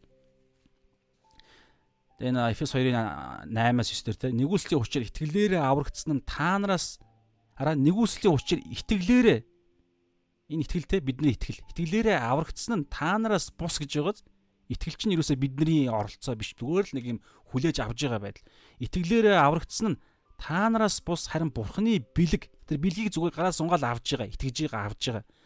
Бэлэг бөгөөд үйлсээр чинь биш. Итгэл нь өөрөө үйлс гэдэг гэдэг ойлголт биш. Үйлсээр чинь биш тул хинч үйлс сайрах болно гэж ярьж байна. Тэм учраас хэрв хин нэгэн хүн ямар нэгэн байдлаар тэгээ одоо бурханд таалагдах эсвэл бол тэ одоо бурхнаар хайрлагдах гэдэг тэ ер нь итгэгч байх ч гэдэг юм уу? Иймэрхүү ойлголт ярихад би ямар нэг юм оролцоо байна би нэг тодорхой би нэг юм хичээл зүтгэл байж иж би бурханд зөвтгүүднэ за нэг гол ойлголт яриа тэ зөвтгүүднэ аврагдана гэдэг ойлголт яриул ерөөсөө тэр бол аюултай ойлголт байгаа. Тэгэхээр энэ дэр Ром 3:20 дээр бол хэлсэн те. Ямар ч махад хуулийн үйлсээр зөвтгөхгүй. Ром 1-ийн 18. Би яа ингэж байгаа гэхээр түрүү нөгөө муу мэдээ чинь Ром 1-ийн 18-аас Ром 3-ийн 20 аахгүй. Тэгэхээр эхний ишлэл төгсгөлийн ишлэл хоёр нь хуйлаа хэлж байгаа. Ром 1-ийн 18 дээр те. Үннийг зүв бусаар нуун дарагч хүмүүсийн аливаа итгэл сүсггүйдэл ба зүв бусын эсрэг бурхны уур хилэн тэнгэрээр ичлэгддэг. Тэгэхээр бурхны уур хилэнд орл байна гэсэн. Ром 3-ийн 20 дээр хуулийн үйлсээр зүвтгэх ямар ч боломжгүй. Өөрийн хичээл зүтгэлээр хүн Бурхны хуулиас уур хилэнгээс аврагдах ямар ч боломж байхгүй. Ганцхан боломж аргаар арга замаар л аврагдана. Тэр нь одоо энэ нэгдүгээр хэлсэн. Хуулиас ангид. Тэгвэл хуулиас ангид тэгвэл юунаас юугаар юм гэхээр 22 22 дээр тэ Есүс Христэд итгэх итгэлээр 24 дээр Есүс Христийн золилт золилтоор дамжин буюу Есүс Христийн загалмай үйл явдалд итгэх итгэлээр авж байгаа. Тэгээд хоёрдугаарт нь бурхнаар хангагдсан тий. Бурхнаар хангагдсан, бурхан хангасан. Тэгэхээр бурхны шаарддаг шаарддаг зүйлсийг бурхан хангаж чадна. Хүн өөрөөс хүн хангах ямар ч боломж байхгүй. Тэгэхээр бурхны зөвхт байдал гэдэг энэ зүйл бол хүнд хамгийн хэрэгтэй зүйл. Аврагдахад хэрэгтэй, аврагдсан амьдралаар амьдрахад бас хэрэгтэй. Түрүү Мата 6-гийн 33 дээр үлээ эхлээд бурхны хаанчл болон зөвхт байдлыг хай За энэ одоо ингээд ирэхээр нэг оролцсон ярьж эхэлж байгаа. За ингээд ирэхээр энэ сүнслэг өөр ойлголт руу орж байгаа. Зөвтгөл гэдэг юм ерөөс зөвтгөл гэдэг ойлголт ярихад зөвтгөл, аврал, дахин төрөх сүнс ус яохон гурав дээр хэлж байгаа ус ба сүнсээр дахин төрөх гэдэг ойлголтуудыг ярихад бид нар ямар ч оролцоо байхгүй. Харин дахин төрсний дараа, зөвтгөгдсөний дараа, аврагдсны дараа энэ дэлхий дээр үргэлжлүүлэн бид амьдарч байгаа шүү дээ. Ингиж ирэхэд өөр нэг ойлголт ярьж эхэлж байгаа. Тэр нь юу вэ гэхээр ариусгал гэдэг ойлголт ярьж байгаа. Аврагдсан хүний амьдралаар амьдрах зөвтгөх үнгүй зөвтгөгдөн үнгүй аврагдана. Тэр хүн зөвтгөл дотроо үргэлжлүүлэн явах гэдэг ойлголт. Бурхны зөвхт байдлыг хайн хайх буюу зөвхт байдлыг хамгийн гол зүйлээ эзнээ болгон явах гэдэг ойлголтод бидний оролцоо яригдана. Гэхдээ бид дангаараа биш. Ариун сүнс буюу бурхан бит хоёрын хамтын ажиллагаа яригдчихэж байгаа. Тэгэхээр sanctification буюу ариусгал гэдэг үг. Тэгээ англи хэлтэй хүмүүс л мэдж байгаа те sanctification буюу ариусгал гэдэг энэ ариусгал гэдэг энэ ойлголтод эсвэл төлөвшил гэдэг ч юм уу те иймэрхүү ойлголт ярихад бидний оролт бид ариун сүнс бурхан хоёрын хамтын ажиллагаа яригддаг. Гэхдээ ариусгал гэдэг үг ярихад ерөөхдөө нэг гурван төлөв байдал ярьж байгаа шүү. Энийг бас маш сайн ойлгох хэрэгтэй. Энийг энэ үнэнг ойлгож иж хүн дахиад Яохан 8 дээр 8:31-ээс 32 дээр хэлж байгаа ачлан үнэн биднийг чөлөөлж байгаа. Иймэрхүү ойлголтыг мэдэхгүй бол аюултай. Өөрөөр хэлбэл ямар аюултай вэ гэхээр жишээ нь одоо би нэг гурван юм ярил л да. Ариусгал гэхээр гурван ариусгалыг ярьж байгаа. Ариусгалын гурван төлөв. Нэгдүгээрт зөвтгөгдөх үед буюу бид нар ямар ч оролцоогүйгээр бурхан биднийг Христийн загалмайн сайн одоо сайн зөв сайн загалмайн үйл явдлаас болоод бурхан бид нарыг зөвтгөж тооцох буюу өөрийнхөө зөвхт байдлыг биднэрт үнгүүгээр бэлэг болгон өгөх үед бид зөвтгөгдөөд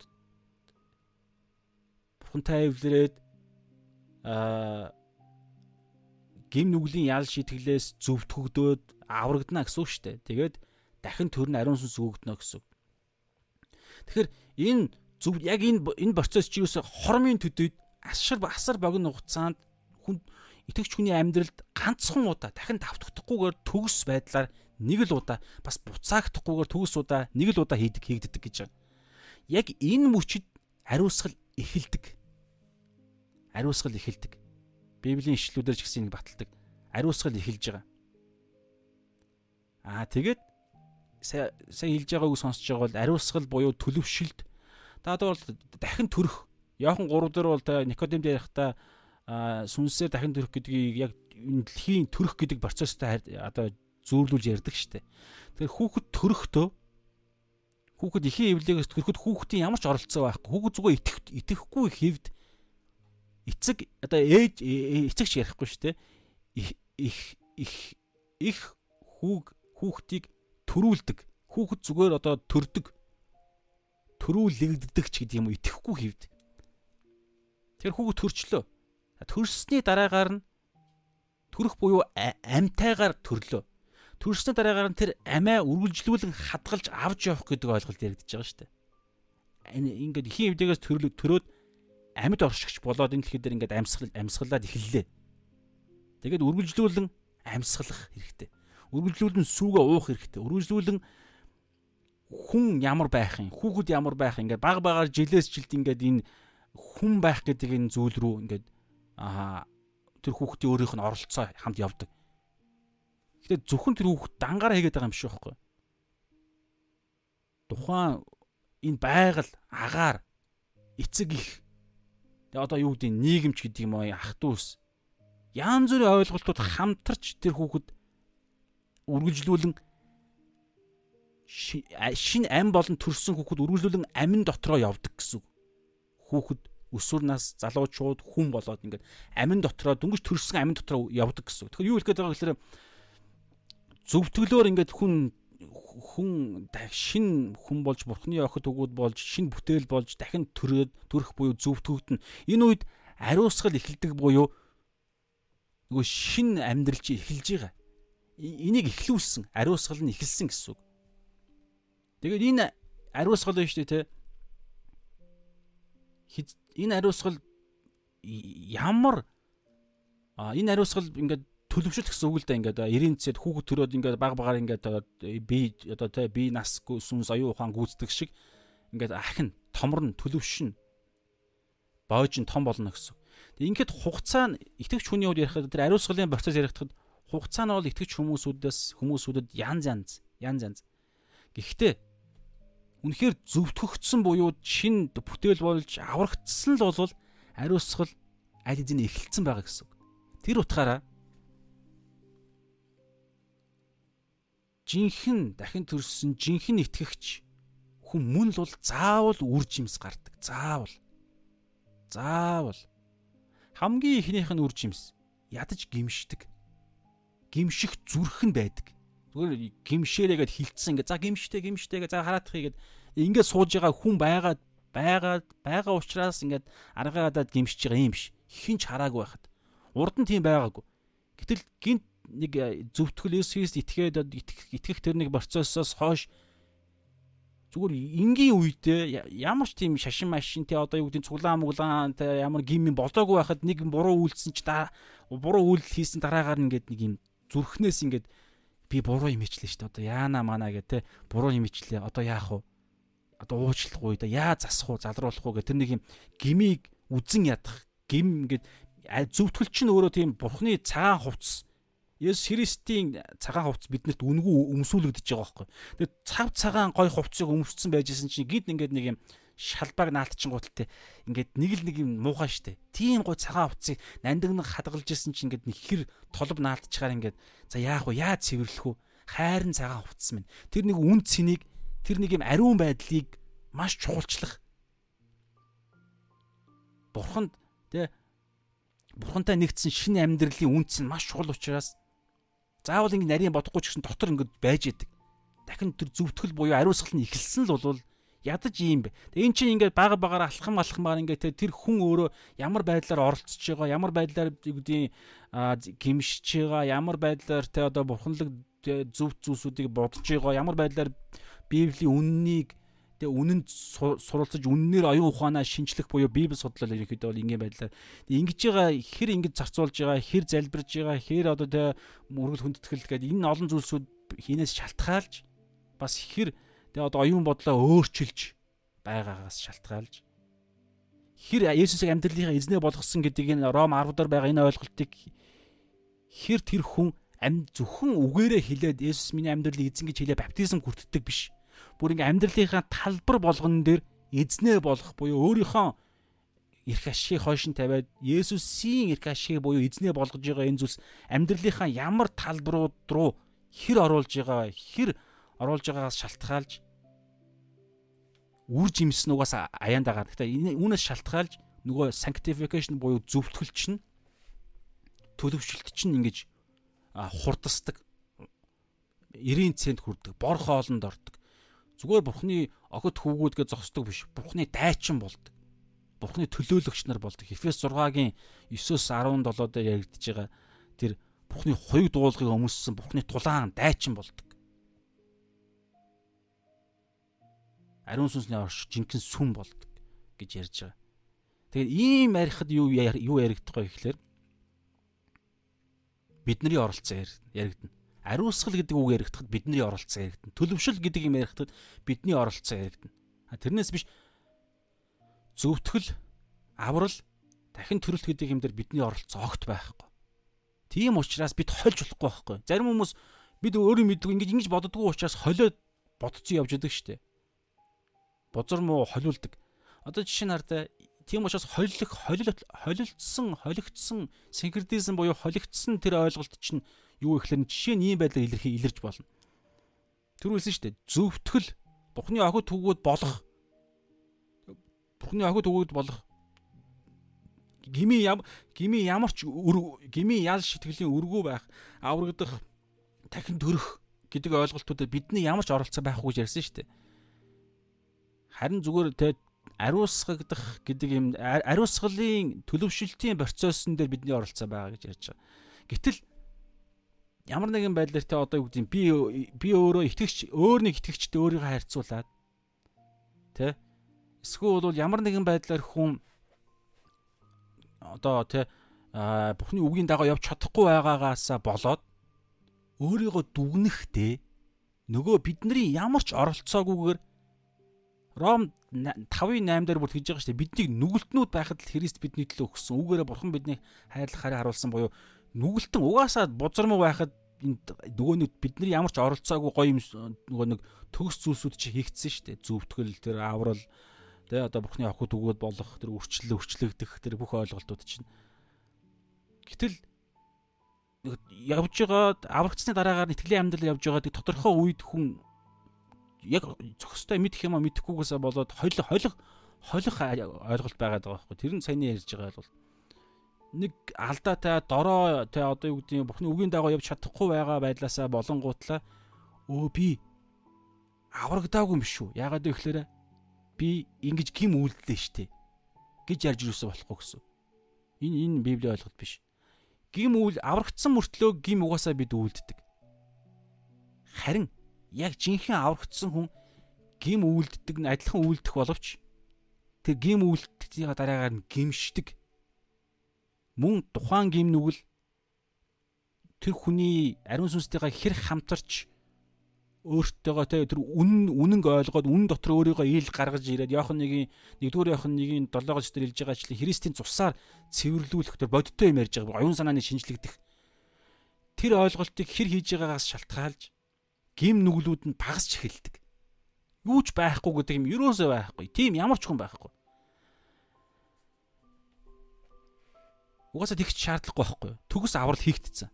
Есүс Христээр төгс аврагдсан. Тэгэхээр төгс хийгдсэн юмыг яаж дахиж төгс болгох юм? Харин ариусгал, зөвтгөл гэдэг ойлголтуудыг ярихад болвол бидний оролцоо яригдж байгаа. Түрүүн ярьсан. Тэр нь энийг янаас шалтгаалж байгаа. Хэр Есүсийн сүнс ба үгээр явж гинэ. Жинхэнэ Есүсийг эзнээ болгоод хэр явж гинэ гэдгээс шалтгаалж байгаа. За ингээд цаашаа ирэхэд бол ингээд тодорхой яригдана.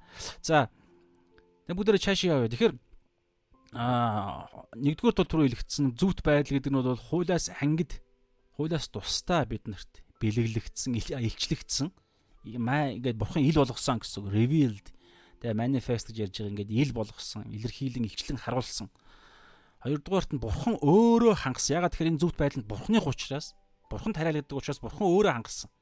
Есүс Христээр дамжуулан тэ за тэгээ ингээд дараа их үүсвэр энэ зүвт байдлын их үүсвэр нь бурхан өөрөө. Бурханаас л гардаг. Бурханд л хаяалагддаг зүвт байдал бурханаас гардаг, бурханд хараалагддаг. Тийм учраас түр Мата 6:33 миний одоо миний хувьд бол ер нь бол итгэгчдийн хувьд маш чухал хамгийн чухал ишлүүдийн нэг шүү. Тэгэхээр дамын дэлхий дээр амьдарч явах хугацаанд бол маш чухал ишлэл. Өдөр болгоны бодож явах хэрэгтэй ишлэл байгаа. Тэгэхээр тэр бурхны юуны төрөнд бурхны хаанчлал эхлээд бурхны хаанчлал зүвт байдлыг хай. Тэгэхээр зүвт байдлыг хай гэдэг чинь юусо бурхан бурхнаас л гардаг. Бурханд л хараалагддаг. Зөвхөн бурхны тэр зөвхт байдлыг л хаа гэсэн үг.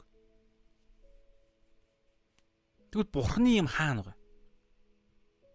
Бурхны зөвхт байдал бурханд хараалагддаг юмыг бурхнаас авах байгаа юм бол бурхан бурхан нь хаана вэ? Тэр бурхны сан хаана вэ? Бурхнаас нэг юм авах гээд шүү дээ. Бурхны зөвхт байдал биш авах ч явах тэр зүйлийг үргэлжлүүлэн тэр зүйлийг зүйлийг эзнээ болгон явах Тэгэхээр хоёр ойлголт ярьж байгаа ш. Ярьдаг ерөнхийдөө бол. Гэхдээ ингэ цаашаага бүр ингэ задарна. Сүнс үнэн. Сүнс ба үннээр эцэгт мөрөгцсөн. Та бол за яг ингэ энэ өөр илэрхийлнэ. Бас Эфес 6-гийн 17 дээр бол сүнсний сэлэм болох бурхан. Сүнсний сэлэм сүнс ариун сүнсний сэлэм болох бурхны үг. Еврэ 4-ийн 12 дээр онод юу гэж болохоор Бурхны үг бол хоёр талдаа эртээ ямар эртээ сэлэм ямар ч элднээс илүү хурц сэлэм гэж байгаа. Тэгээ баг нэгт нэг ирнэ ариун сүнс тэ нэг ирнэ одоо юу гэдэг юм үнэн ч гэдэг юм уу сүнс ба үннээр эцэгт мөрөгцөө. Тэгээ эн ч өөрөө бурхны үг байгаа даа байхгүй. Тэгэхээр ариун сүнс нь бидний дотор үнгүү орж ирсэн зөвтгөх үед. Тэгээд бидний гар дээр үнгүүгээр үнгүүч байх уу те ингээд Гэхдээ анх анх их сурвалж нь бол үнгүй шүү дээ. Тэгээ яг хүмүүс хөдөлмөрөө үнэлээд ингээд Библи бидний гадар байна. Тэгэхээр Бурхны үг биднэрт байна. Дотор нь тэр үгийг нь э, итгэвчүүлэх сүнс нь байна. Ариун сүнс. Тэгэхээр энэ энэ дотор л Бурхны зөвхт байдлыг зөвхт байдлыг хай гэдэг байгаа чи энд дотор байгаа. Тэгээд Йохан 14 дээр бол ариун сүнс зөвхөн бид нар Библийн тэ одоо тэр Библийг ингээд судлаад Бурхны зөвхт байдал нь юу юм тэр нь яадаг гэдгийг ингээд судлаад тэрийг нь бид нар ойлгуулах ойлгуулахын тулд Бурхан ариун сүнс буюу тэр Йохан 14 дээр бол туслагч ирсэн гэж хэлээгүй шүү дээ. Та ингээд харах юм бол Йохан 14 15 16-га эдэг бол ариун сүнсний туслагчийн талаар ариун сүнсний талаар Есүсийн хэлсэн гайхалтай олон талт үннүүд байгаа. Тэгэхээр энэ дээр бол товчхондоо юу гэж хэлж юу гэж хэлж байгаа гэхээр ариун сүнс буюу туслагчийн ирсэн зорилго нь Есүс Христийн үгийг ойлгуулах а ойлгуулах сануу ойлгосны дараагаар нь сануулах дараагаар нь сахин биелүүлэхэд туслахаар ирсэн гэж байгаа. За баг шинчлэх за ойлгуулах сануулах сахин биелүүлэх зөвхөн ойлгол ойлгочлаа мэдлэгтэй болчлоо гэд тэгээд би Бурхны зөвхт байдлыг хайчлаа биш ойлгогдсон байна. За оюун санаагаа шинжилсэн байна.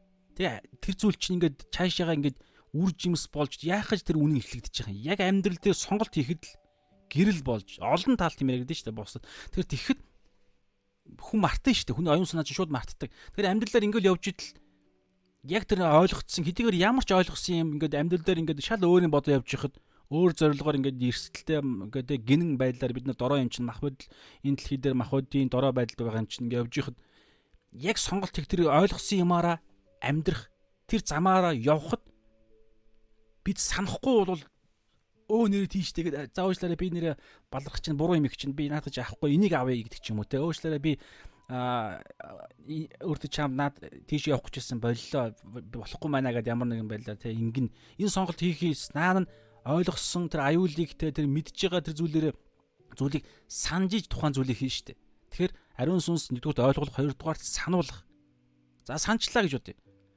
Уучлаарай. Тэгээд санах уучлаарай би наагууч наадгаж авахгүй. Энийг наавъя гэд. Гэ хэльегээд бодоод ингээд сандаад хэлэх гэсэн чинь чадахгүй байхгүй бас. Түрүү хэлсэн шүү дээ. Энэ Ром 3:20 20 дээр хүлээ. Учир нь ямар ч махад хуулийн үйлсээр түүний өмнө зүтгэхгүй буюу тэр үйлсийг за хүн ингээд нэгдүгээр хуучин Израильчууд чинь бүгд л суралцсан. Бүр насан туршдаа бүр үндэснээр Бурхны хуульд суралцсан. Тэгэхээр өөрөө ойлгож ирсэн гэсэн. За яг зарим нь ойлгоогүй хүмүүс ч гэсэн байгаа. Хоёрдугаар яг ингээд санана. Бүр санах хэмжээнд бүр үндснийх нь үндсэн хууль нь болж тэ а бүр ингээд нийгмийн хуульж өдөр тутмын хууль гэдэг салбар нь хүртэл байгаа шүү дээ. 613 хуулийн 3 3 салбар байгаа. Тэрнийх нь нэг нь өдөр тутмын хууль. Бүр амьдралын. Тэгэхээр хууль нь хүртэл байгаа. Одоо ингэүүдийн автобусаар ингээд явах те юу гэдэг эсвэл бол зам унлан гарахад бол заавар гарцаар гарна ногоон гэрлэр гарна маа гэдэг хуульч ингээд биднийг байнга сануулж байгаа зү тэ. Тэгэхээр энэтэй адилхан сануулдаг. Тэглээгээд ямар ч махад санаад санаад ойлгоод ойлгоод хэрэгжүүлж чадахгүй байхгүй. Ягаад тэр хүний дотор гимтэй мэс чанар өөрийн хүчээр чадахгүй. Тийм учраас гурав дахь нь ариун сүнсний сахин биелүүлэхэд тусалгаар ирсэн.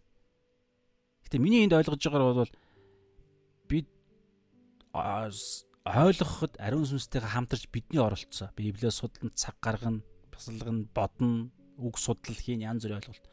Дараагаар нь санахад яах юм? Санахад ч гэсэн ариун сүнс сануулхад үргэлжлүүлэн ариун сүнстэй харилцаад сануулж байгаа үгийг нь аваад ингэж явхад бас бидний оролцоо. Тэгээ сахин биелүүт туслах гэдэг дээр миний бодлоо залбирал байдаг санагдаж байгаа. Ерөнхийдөө бол э, ариун сүнсээ надад хүч өгөөч ариун сүнсээ би энийг хиймээр байна те гэ та надад туслаарай гэ залбирх үед ариун сүнс ойлгуулсан сануулсан зүйлээ сахин биелүүлэх төртөл туслагаар ирсэн гэж Библиэл дээр байгаа юм чинь хэлснийхаа дагуу биелүүлнэ гэсэн. Тийм учраас энэ бурхнаар зөв бурхны зөвхт байдал бурхнаар хангагдсан. Бурхан их үүсвэр нь бурхных. Тийм учраас Матай 6:33 бурхны хаанчлал зөвхт байдлыг хаа гэдэг нь Библиэс ариун сүнснээс хайн хайгаад түүнийг санаж амьдрна. Тэгээд санах яг тохирсон цаг нь бүрдэх үед сахин биелэхэд хүртэл бурхнаар ариун сүнс.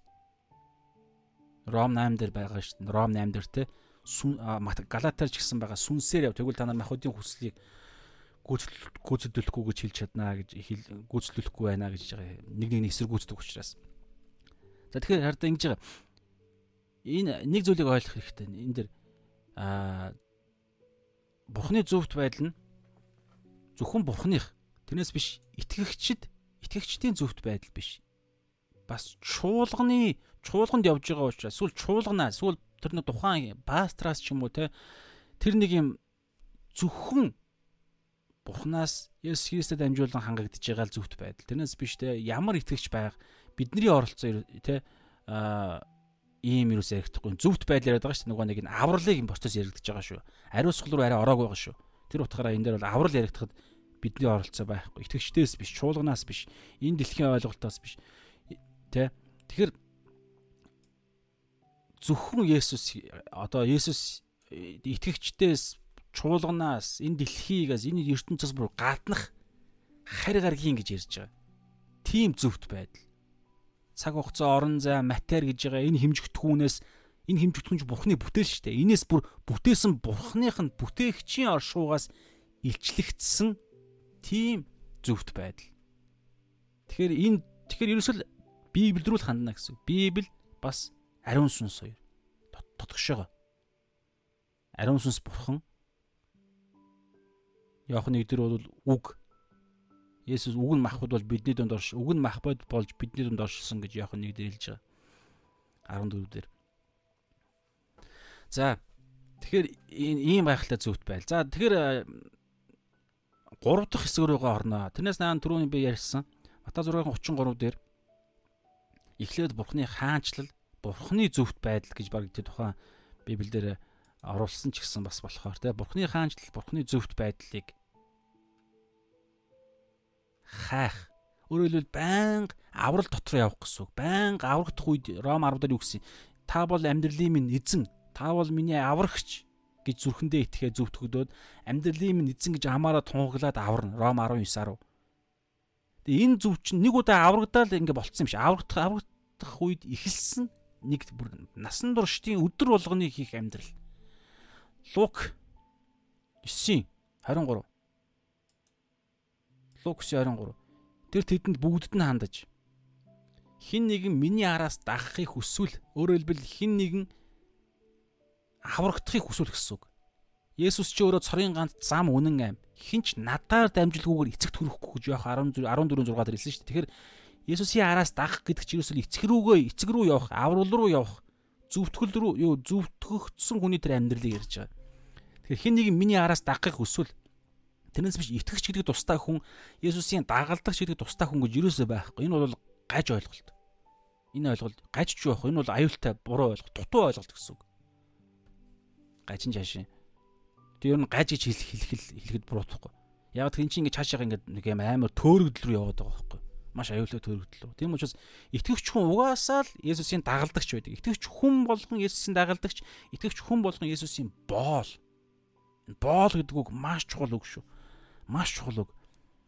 Боол гэдэг Есүсийн боол гэдэг үгийг сонсоход хэн нэгэн итгэгч хүн дотор нь зэвүүцэл төрж ивэл маш аюултай шүү. Маш аюултай маш аюултай. Үнэхээр аюултай шүү энэ бол. Миний бодлоор тэр хүн аврагдсан гэж би бараг хэлм хэлэхгүй байна. Яг аврагдсан хүн Есүсийг эзнээ болгож ижил аврагдана. Ром 19 саруудаар байгаа. Та бол Есүс Христ ингэж байгаа. Хэрүү та Есүсийг эзэн гэж эзэн би Есүсийг эзэн гэж амаараа хүлээн зөвшөөрвөл өөрөө би өөрийгөө юу гэж хүлээн зөвшөөрч байгаа юм? Боол. Ром 1-д ч хэлж байгаа шүү дээ. Есүс Христийн боол Илч Паул би гэж ярьж байгаа. Хэрв та Есүсийг эзэн гэж амаараа хүлээн зөвшөөрч Бурхан түүнийг үхэгсдээс амьлуулсан гэдэгт зүрхэндээ итгэл итгэвэл аврагдах болно. Хүн зүрхэндээ итгэн зөвхт байдал хүрч амаараа хүлээн зөвшөөрч авралт хүрдэг. Луктаар бол хүн зүрхний бэлхлаар ам ярддаг гэж ярьж байгаа. Тэр зүгээр нэг амаараа Матай 7-21 23 дээр илтгэгчлэн эзэн минь эзэн минь гэсэн болгон Тэнгэрийн хаанчлал орохгүй гэж Есүс хэлж байгаа шүүлтийн өдөр. Тэгэхээр зүгээр эзэн эзэн минь Есүсийг эзэн ингээ хилцсэн ч л авагдаж байгаа юм биш. Лук дээр хэлсэнчлэн зүрхэндээ Иесусыг эзнээ болгосон шийдвэрийг гаргасан учраас тэр шийдвэрийг нь бүгдийг мэддэг omniscience мөн чанартай бурхан яг жинхэнэ өөрийгөө Иесусыг эзнээ болгож болгосон тунхаглыг хэлж байгаа зүрх үг хоёр нь яг адилхан байгааг харсан учраас л бурхан тэр хүнд хүнийг зөвтгөж байгаа дахин төрүүлж байгаа охид охиноо хүүгүнээ болгож байгаа. Тэгэхээр Лукс 23 хин нэг миний араас дахахыг хүсвэл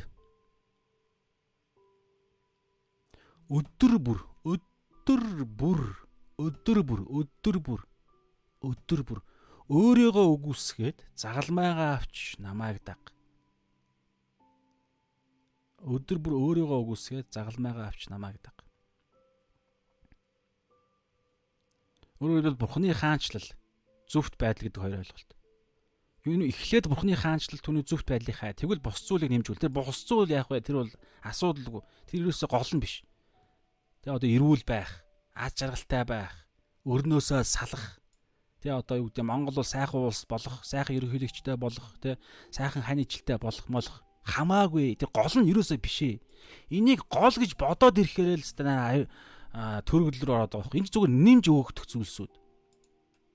Нэмж өөгдөхгүй байсан чинь нэрээс хамаа байхгүй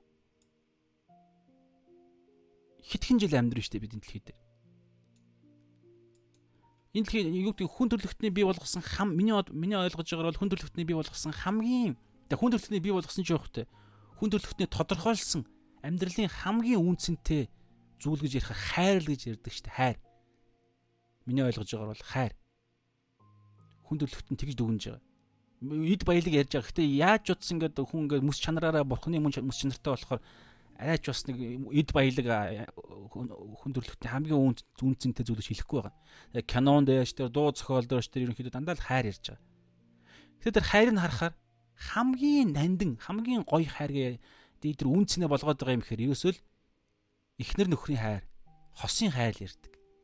Гэтэл та бодтоо. Тэнгэрийн улсад эхнэр нөхөр гэж байхгүй шүү.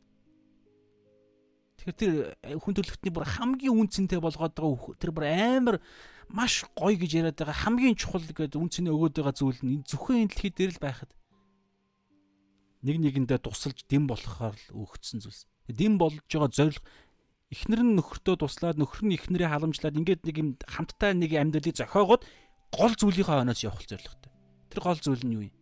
Исаи дээр бол юу гэж хэлж байгаа гэхээр Бурхныг алдаршуулахын тулд Бурхан бид бид бүтээгдсэн. За ерөнхий байдлаар наан хамгийн цаад гол зорилго нь аа тэгж алдаршуулах арга зам нь юу гэхээр эхлэл 1 26 27 дээр дэлхийн ертөнцийг захирах байдлаар. Энэ дэлхийн ертөнцийг захирах. Тэр нэг ихнэртэй нөхөр эсвэл ихнэр нь нөхрийнхөө одоо цээжинд хавирганд гэдэг юм уу цээжинд хамтдаа дэлхийн ертөнцийг л захирах. Захирах зөвхөн захирах биш захирах халамжлах тордох эдийн засаглыг торддогтой адилхан халамжлах, хайрлах ингээд нэг юм. Гэтэ ингэж ингэхдээ энэ байдлаараа бурхныг алдаршуулах, бурханд талархал өргөх. Тэр зүйл чи харин мөнхөд үргэлжлэнэ. А эхнэр нөхөр бол мөнхөд үргэлжлэхгүй. Мөнхөд үргэлжлэх бүр эхнэр нөхрийн харилцаанаас илүү төгс бүр илүү бодит зүйл нь тэнгэрт байгаа. Тэрний зүгээр сүүдэрнэ гэж ярьдаг тэрний илэрхийл нь хамтлагаа нөхгүй. Тэгэхээр тэр бусад зүйлс нэмж өгөх зүйлс чинь те хамгийн одоо гоё гэдэг байгаа тэр одоо Эрос дөрвөн хайрынх нь Эрос хайрын гэж ярьдаг. Тэр Эрос хайр нь хүртэл зүгээр л нэмж өгөгдөнө. Эрос хайр чинь зүгээр энэ дэлхий дээр одоо туслагч гээд нөгөө дээр нь халамжлагч гэдэг юм уу хайрлагч гээд тийм байдлаар зүгээр нэмэгдэж орж ирж байгаа зүйлс. Гол зүйл нь юу юм? Бурхны хаанчл зөвхт байдал. Тэгэхээр энэ нийгэм Эфес 6:12 дээр гэж байгаа хүлээ. Эфес 6:12 дээр ингэдэж штэ. Бидний бидний тэмцэл бол мах цусны эсрэг биш буюу хүний эсрэг биш. Харин альва энэ энэ хүү харанхуй ертөнцийн энэ дэлхийн гэсэн харанхуй ертөнцийн захирагчид эрх мэдэл хүчнүүд тэнгэрлэг оршуудах ёр юм уу сүнслэг хүч. Тэгэхээр энэ дэлхийн ертөнцийн захирагч тогтолцоо ч нь өөрөө энэ үнэнгээс л холдуулах гэж оролдоно. Энэ үнэн юу юм? Хамгийн чухал зүйл Бурхны хаанчлал зүвт байдал биш ээ. Оо энэ дотор байгаа гэж ярьдаг. Бусад зүйлс нэмж өгөх тэр бонусыг нь хамгийн чухал эхлээд хайх юм болгож байрын солих байдаг. Угаасаа сольж чаддаг. Тэр өтгөө чуулган хүртэл итгэгчдийг хүртэл ингэж соль ингэж монхогруулж чадж байгаа. Та угаасаа мэдж байгаа те эргэн тойрны ч хүмүүс магадгүй та өөрөө ч гэсэн би өөрөө бид нар ч гэсэн ингэж бүдрэх тохиол байгаа бүдрээд ч явж байгаа баг. Тийм учраас яах юм? Үнэн ингэж өнөөдөр сонслоо шүү дээ. Бурхан үнэн ингэ танилцууллаа. Одоо яах вэ? Нөгөө нэг ариун сүнс чинь юу гэлээ? Ойлгуул. За өнөөдөр ойлгочлаа. Ойлгуулж. Дараагаар нь яг цагаа тулаад сонголт ирээд нөгөө бус зүйлийн араас сон Бурхны хаанчлал зөвхт байдлыг биш бус зүйлсийн араас явах гэдэг үедээ ариун сүнс сануулна. Та харин үнэхээр ойлгосон л бол оюун санаа чинь шинэлэгдсэн л бол сануулна. Тэгээ саналаа саналаа гэд нөгөө нэг бус зүйл чинь бүр ингээд олон Есүст итгэхээс өмнөх жил он жил чинь ер нь ихэнх итгэгчдийн хувьд олон жил байдаг штеп харьцуул харьцааг нь харахаар Тэгэхээр тэр олон жилийн хугацаанд давтамжтай ингэж те одоо бидний зүрхийг эзэмдэж ингэж боолчилж ийсэн тухайн тэр бусад зүйлс чинь шууд саналгаа гэд ойлголоо гэд хэрэгжүүлж чадахгүй шүү дээ. Юм учраас ариун сүнснээс тусламж, залбирал байнгын залбирал, тасралтгүй залбирал шиг Теслонтер хэлдэг шүү дээ. Тэр зүйлсүүд байнга сүнсээр явах. Тэгээ энэ өдөр болгон Тэгээ Лукс 23 өдөр бүр хин хэрв хин нэг миний араас дахыг өсвөл өдөр бүр өөрийгөө үгүйсгэн юу юм? Зүвт байдал. Зүвт байдал гэдэг үг энэ дээр яг холбоо холбогдно. Ер нь та ингээд би хамт хүмүүс санаж байгаа дандаа хоёр ойлголтын дээр л ерөнхийдөө ингээд сүнслэг теологийн үннүүд ингээд ямар нэгэн байдлаар тэр хоёр ойлголттой л хамааралт яваад байдаг. Ром 19 10 дээр байгаа хоёр ойлголт. Есүсийг Есүсийг эзэн гэж ойлгоё хамаараа тунхаглах шийдэх Есүсийг аврагч, чөлөөлөгч, аврагч гэж зүрхэндээ итгэх. Аврагч эзэн. За энэ дээр болохоор юу чинь? Өдөр бүр өөрийгөө үгүйсгэн, загалмай дээр өөх буюу нэг аврагч гэдэг эзэнд аврагч гэдэг ойлголттой ч хамааралтай. Загалмай дээр биднийг аварсан. Яаж аварсан? Бидний өмнөөс үхсэн. Тэгээд үхлээс амилснараа тэр авралын ажиллагаа яг бодиттой болсон. Одоо яг тодорхой батлагдсан гэсэн. Тэгэхээр өөрийгөө үгүйсэн гэдэг үгүйсэн гэдэг дээр бид нар одоо Ром Ром цаашаага үзнэ. А 5 6 гэдэг. Загал Есүсийн загалмаа үгэлтэй нэгдэж Есүсийн амьдлалтай нэгддэг. үхэлтэй нэгдэх гэдэг нь энэ өөрийгөө үгүйсэх гэдэг ойлголт. Өөрийгөө өхүүлэх гэдэг ойлголт. Тэр нь юу гэхээр өөрийнхөө махуудын эрх ашигаа хүслүүдээ үгүйсгэх маш бодтой оюун санаанд гаргаж байгаа шийдвэр өөрчлөлт оюун санааны шин төлөв байдал шин хувцс эфес дээр бол шин хувцс гэж ярьж байгаа Бурхнаар бүтээгдсэн зөвхт байдал ариусгал зөвхт байдал хоёр дотор явдаг Бурхнаар бүтээгдсэн шинэ хувцс хүнийг өөртөө өмсгөж ярьж байгаа Эфес 4-ийн 24 дээр. Өөрийгөө үгүйсгэх загалмайгаа авах гэдэг нь юу юм? Бурхны хаанчлалыг хайх гэдэг ойлголт. Бурхны хаанчлал чинь нэг л зоригтой. За энэ дэлхий дээр Бурхны хаанчлал сатааны хаанчлал дотор Бурхны хаанчлал одоо оршиж байгаа. Сатаны хаанчл гэдэг нь хууль ёсны дагуу биш. Хууль ёсны дагуу бол Есүс Христийн дэлхийг эргээд авсан. Гэхдээ итгэгч биш хүмүүсүүд байгаа л бол итгэгч биш хүмүүсүүдийн хүмүүсүүдээр дамжуулан сатан тэр хууль мөл ерөөсөө ямар ч хамаагүйгээр өөр нэг хууль хүчнтэйгээр ажиллаа л байгаа. Тэр нь шудраг байдлын хууль. Нэгүслийн хууль биш шудраг байдлын хууль. Гмийн хууль гэдэг юм уу те мосогийн хууль гэдэг юм уу. Тэрүүгээр дамжуулан бүх хүмүүс итгэж биш л бол зөвтгөл биш юусе нөгөө гим нүглээсээ болоод гим нүгэл нэг хүнээр ертөнцид нүгэл нүглээр дамжуулан үхэл орж ирсэн. Тэгээ бүгд нүгэл үйлцснээр үхэл бүх хүнд тарах уу гэж ярьж байгаа. Сатан нүглийг оруулж ирсэн. Нүглээр дамжуулан сатан энэ дэлхийн ертөнцийг ноёлж хэл ноёлж байгаа байхгүй. Тэгэхээр сатаны хаанчлал гэдгээр нь ярьчих. Сатаны хаан 2 дугаар Коринт 4:4 дээр байгаа. Эфес 6-гийн 12 дээр байгаа энэ ойлголт. Тэгэхээр энэ сатаны ноёрхож байгаа гэж ярьж байгаа энэ хөө хаанчлал сатаны ертөнц дотор Бурхны хаанчлал байгаа. Тийм учраас баян Есүсийн дотор зөвхт байдал хаанчлалын Бурхны хаанчлал хайж явахгүй бол нэг л ойлголт руу орно. Сатаны хаанчлалын боол сатаны хаанчлалын төлөө л явах гэдэг ойлголт. Нөгөө махуудын хүсэлт ачаал. Энүүгээр л сатан хаанчилдаг. Энүүгээс утсан хүүхэлтэй нь утсан саяны ойлголт махууд махуудын хүсэлт ачаал гэм. Тэгэхээр загалмайгаа авах гэдэг нь Бурхны хаанчлалыг хайх гэдэг ойлголт байхгүй. Бурхны хаанчлал энэ дэлхий дээр оршиж байгаа ганц зорилго байгаа. Юу юм? Сатаны хаанчлалаас сатаны шоронгоос Матай 16-гийн 16-аас хойш байгаа Петр хэлдэг штэ. Энэ та бол Христ амьд бурхны хүү бас л нэг хоёр ойлголт чинь. Саний хоёр ойлголт дахиад бас ингээд хуваагдчихна. Тайлбарлагдаад хоорондоо холбогдчихно. Та бол Христ амьд бурхны хүү гэж хэлэх үед Есүс хэлдэг те. Матай 16:16 дээр энэ энэ хадан дээр би чуулгана байгуулнаа. Тэгээд тэрхүү чуулганы өөхсдийн орны хаалга дийлэхгүй гэж байгаа. Та хартай. Чуулган өөхсдийн орн дотор байгаа байхгүй юу? газар зүүн байршлаарай. Үхсдийн орон гадуур чуулганы гадуур нь байгаа. Тэгсэн мөртлөө дотор нь Бурхны хаанчлал оршиж байгаа байхгүй. Тийм учраас та бол Христ. Буюу Есүсийг одоо энэ дэр хэлж байгаа. Ром 19 10 дээр хэлж байгаа.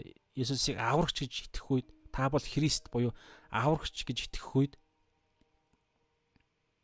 Тэгээд мөн та бол Христ амьд бурхны хүү буюу Есүсийг эзэн гэж. Есүс зөвхт байдал бурхны хаанчлал дотор ингэж байнга явдаг хүн үнийг үхсдийн орны хаалга чуулганы гадуур нь байгаа тэр үхсдийн орны хаалга нь дийлэхгүй цөм зөгтөг. Энэ дэлхий дээр амьд энэ дэлхий дээр байгаа хугацаанд дуусхуйд шууд Тэнгэрийн хаанчлал руу очино. Нэг цаад яг цаатлын төлөв байдал нь. Наа нь амьд байхдаа ч гэсэн ариун сүнсээр нь дамжиж Есүс Христ итгэлээ дамжиж нэгүслээ дамжиж ариун сүнсээр нь дамжиж бид үхсдийн орны хаалгыг цөм цохиод одоо яг энэ цаг мөчид бид үхсдийн орны хаалгыг цөм цохиод Тэнгэрлэг үнтэй холбогдоод та сууж байгаа гэдгийг та ойлгож байгаа. Залбирах болгонд Уг юу юу хаагдахгүй байн холбоотой явж байгаа. Тэгэхээр итгэж хүний дотор ариун сүнс байгаа учраас. Тэр ариун сүнс ч юусоо тийм ямар ч хил язгаа гэж байхгүй шүү дээ. Тэгэхээр бид ариун сүнстэй хүмүүс бол үхсдийн орны хаалга дийлэхгүй буюу хаалга нь байнга нээлттэй явж байгаа. Тийм хоёрдугаарт нь Матай 16-гийн 16-аас цаашаа цаашаа явж байгаа гэхээр энэ хадан дээр би чуулгана байгуулна түүнийг үхсдийн орны хаалга дийлэхгүй Тэнгэрийн хаанчлалын түлхүүрүүдийг би түүнд өгнө гэж. Үхсдийн хаалга үхсдийн орны хаалгыг цүм зөхиод Тэнгэрийн хаанчлалын хаанчл орох түлхүүрүүд саяны хоёр ойлголтон дээр байдаг. Тэрнийх нь нэг нь өдөр бүр өөрийгөө үгүйсэх буюу Есүсийг Христ гэж итгэх Есүсийн зөвхт байдал дотор Бурхны зөвхт байдал дотор явах. Хоёрдугаарт нь загалмайгаа авах буюу Бурхны хаанчлалын зорилгыг амьдралынхаа зорилгоо болгож явах. Бурхны хаанчлалын зорилго юу вэ? Цорын ганц зорилго байгаа энэ дэлхийд. Энэ дэлхий дээр байх хугацаанд. Тэр нь юу вэ? Үхсдийн орны хаалгыг цөм зөхиод Тэнгэрийн хаанчлалд орох түлхүүрүүдийг л энэ үхсдийн орны орон дотор байгаа үхмэл байгаа сатааны хаанчлал дотор байгаа боочлогдож байгаа шорон торигдож байгаа хүмүүсүүдэд өгөх.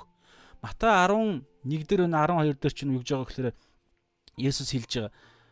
Бярта эрийг хүлээд хүлжижил гэрийг нь дээрэмддэг гэж ярьж байгаа. Тийм байдлаар хам сэдв ярьдаг. Тэгээ бярта эр хам сэдвэнд гарах юм бол тэр бярта эр гэдэг нь сатан. Есүс сатаныг загламаа дээр хүлчихсэн. Одоо мэдээж өөр байдлаар тайлбарж болно бас тайлбарж болно. Гэхдээ нэг гол тайлбар нь юу вэ гэхээр саяных Есүс Яохан Яохан 14 15 16 дэх гэсэн хэлж байгаа. Одоо энэ дэлхийн ертөнцийн энэ дэлхийн ертөнцийн захирагч шүүхтэх гэж байна. Есүс загалмай дээр Есүс сатаныг шүүд, сатаныг шүүдэг, энэ дэлхийн ертөнцийг бас шүүдэг. Тэгээд сатаныг хүлдэг, хууль ёсны дагуу хүлдэг. Тэгээд тийм учраас одоо бид нар Есүс Христийг эзэн аврагч гэж итгэдэг, энэ итгэлээрээ амьдрдаг, Есүсийг эзнээ болгон бид өөрсдөө боолн болж ингэж явдаг энэ амьдрал чинь яадаг вэ гэхээр сатаны гэр дотор ороод гэр дотор буюу энэ дэлхийн ертөнцийн байгаа сатаны шоронд байгаа хүмүүсүүдийг гэрт нь байгаа хүмүүсүүдийг би дээрэмддэг байхгүй. Бурхны охид төвүүдийг Бурхны дайсных нь гараас дээрэмдэж аваад Бурханд нь айчж өгдөг гэдэг ойлголт. За ингээд энэ бол цаашаа гүнзгий ойлголт. Тэгэхээр гол хэлэх гээд байгаа санаа Бурхнаар хангагдсан энэ хүү зөвхт байдал бид Бурхнаар л авна. Бурхнаас л энэ зүйлс Бурхан буюу түрүү хамгийн энгийн практик хэллэгээр бол юу гэхээр Библи ариун сүнс гэдэг хоёр ойлголт.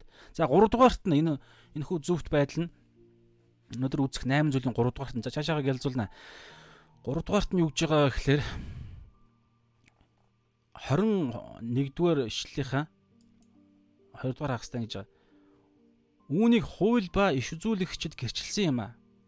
Хууль ба иш үзүүлэгчдийг энэ хиллэг гарах энэ хилцэг хиллэг гарах болгон та ерөөсөө шууд хуучин гэрээ гэж ойлгодог байх ёстой. Та мэдж байгаа хэ. Та мэдхгүй хүмүүс л мэдээд аваарай. Өөрөөр хэлбэл хуучин гэрээний 39 номын эхний 5 ном нь хууль. За 6 дахь ном буюу Йошугаас эхлээл Малахи хүртэл бүгд иш үзүүлэгч нар гэж ерөөхдөө бас ярьж байгаа. Хууль ба иш үзүүлэгч нар.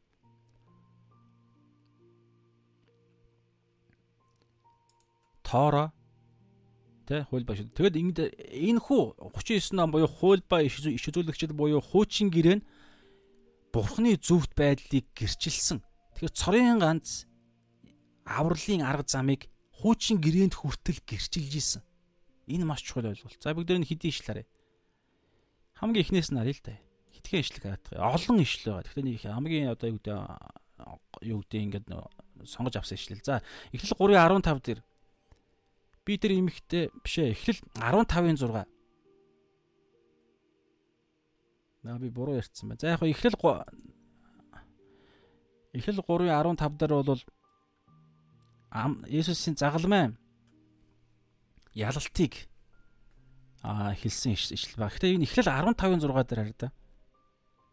Нөгөө хууль хууль хууч ёо хуулаас ангид хуулаас тусдаа Бурхны зөвхт байдал өгөгддөг буюу аврагддаг зөвтгөгддөг гэдгийг хууль хуучин хууль шилжүүлэгчд буюу хуучин гэрээ хүртэл өөрөө заадаг тэмдэглэж үлдээсэн. Тэрнийх нь нэг нь эхлэл 15-ын 6. За би уншия. Тэгээд Авраам эзэнд итгэсэнд Тэгээд Авраам эзэнд итгэсэнд эзэн үүгээр нь түүнийг зөвд тооцов. Түүнийг зөвтгөө. Бурхан өөрийнхөө зөвхт байдлыг түүнд өгөв гэсэн. хуучин гэрээнд ингэж аврагдж исэн. Гэхдээ доор бид нар үзнэ. Доор нь яг яг хамааралтай ишлэлийг гаргахаар бид нар үзнэ. Бас нэг энэ зүйл хэлбэр те одоо юу гэдэг юм илэрхийлэл урдчилж харах байдлаар эзэн Авраам эзэнд итгэсэн гэж байгааз эзний юунд итгэсэн? Эзний үгэнд амлалтанд итгэсэн. Гэтэ тэр амлалт нь ингээд цаашаа яваад тэр амлалт нь хизээ биелсэн юм бэ гэдэг дээр бол Есүс Христ үед. Гэтэ Авраам болон олон итгэгч хуучин гэрээний итгэгч нар биелэхээс нь өмнө үгийг нь сонсоод итгэсэн. Яг биеллийг нь хараагүй. Гэтэ хараагүй ч гэсэн урдчилж итгэсэн итгэж исэн. Ингиж тэд тэр хүмүүсд аврагдаж исэн, зөвтгөгдөж исэн. Тэгэхээр бурхны зөвхт байдал нь 3 дугаарт нь хууль ба иш үзүүлэгчдэр гэрчлэгдсэн. Иш үзүүлэгчд энийг бас гэрчилж ингэж тэмдэглэж үлдээсэн гэсэн. За, Иохан 8-ийн 56 дээр ингэж байгаа. Есүс хэлж байгаа. Та нарын эцэг Авраам, түрүүн Авраам буюу Авраам миний өдрийг харна гэд хөөрөн баясаж байсан харж амжаагүй шүү дээ. Есүсээс 2000 жилийн өмнө амьдарч байсан. Гэхдээ харан даа гэд баярлж ийсэн. Юу гэсэн үг юм? 2000 жил анилхи дээр амьд явж байгаад өхгүй байж байгаа тэгээд харнаа гэж бодож исэн гэж хэлэх үү? Үгүй. Юу гэсэн үг вэ гэхээр Авраамийн Авраам, Исаак, Яаковын бурхан гэж ярьдаг. Авраамийн үр удмаас бурхан бүх үндэстнүүд Авраамийн гурван өрөөл гэж ярьдаг шүү дээ. Бүх үндэстнүүдийг өрөөнө гэж ярьж байгаа. Тэр ерөөл нэг үр удмаар нь Авраамийн өөрийнх нь нэг үр удмаар нь аа тэр ерөөл эхэлнэ. А Давид дээр бол те хаанчлал мөнхийн хаанчлал эхэлнэ гэж ярьж байгаа. Тэгэхээр Авраам гэхээс илүүгээр Авраамийн үр удам гэдэг байдлаар ярьж болно. Яг өөрийнх нь мах цусных нь үр удам ингэж тасрахгүй явж явж байгаад Есүсийн өдрүүд буюу Есүс ч өөр Авраамийн үр удам шүү дээ. Тэгэхээр Израилийн Израильчууд чинь бүгд ерөөдөө Авраамийн үр удам. Тухайн үед Есүсийн Есүсийн одоо энэ дэлхий дээр амьдарч байсан цаг хугацаанд байсан Есүс Израилийн газар нутг дээр байсан Израильчууд чинь бүгд Авраамийн үр удам шүү дээ. Яг гэн ч гэсэн байгаа. Тэгэхээр Авраамийн үр Авраамийн үр удам Есүсийг харна гэж одоо энэ дээр хараа та нарын эцэг Авраам тэр та нарын эцэг гэж байгааз та нарын эцэг Авраам миний өдрүүдийг харна гэд хөөрөн баясч байсан. Үүнийг тэр хараад баярлсан гэв яаж харсан? Авраамийн үр удам нь харсан. А тэгтээ урдчиж энэ дэр бол түрүүн эхлэл 15-ын 6 дээр бол урдаас харсан. Тэр утга Авраам ч биш, Адам ч гэсэн. Адам, Ева хоёр ч гэсэн урдаас харж итгэсэн. Эхлэл 3:15 дээр байгаа.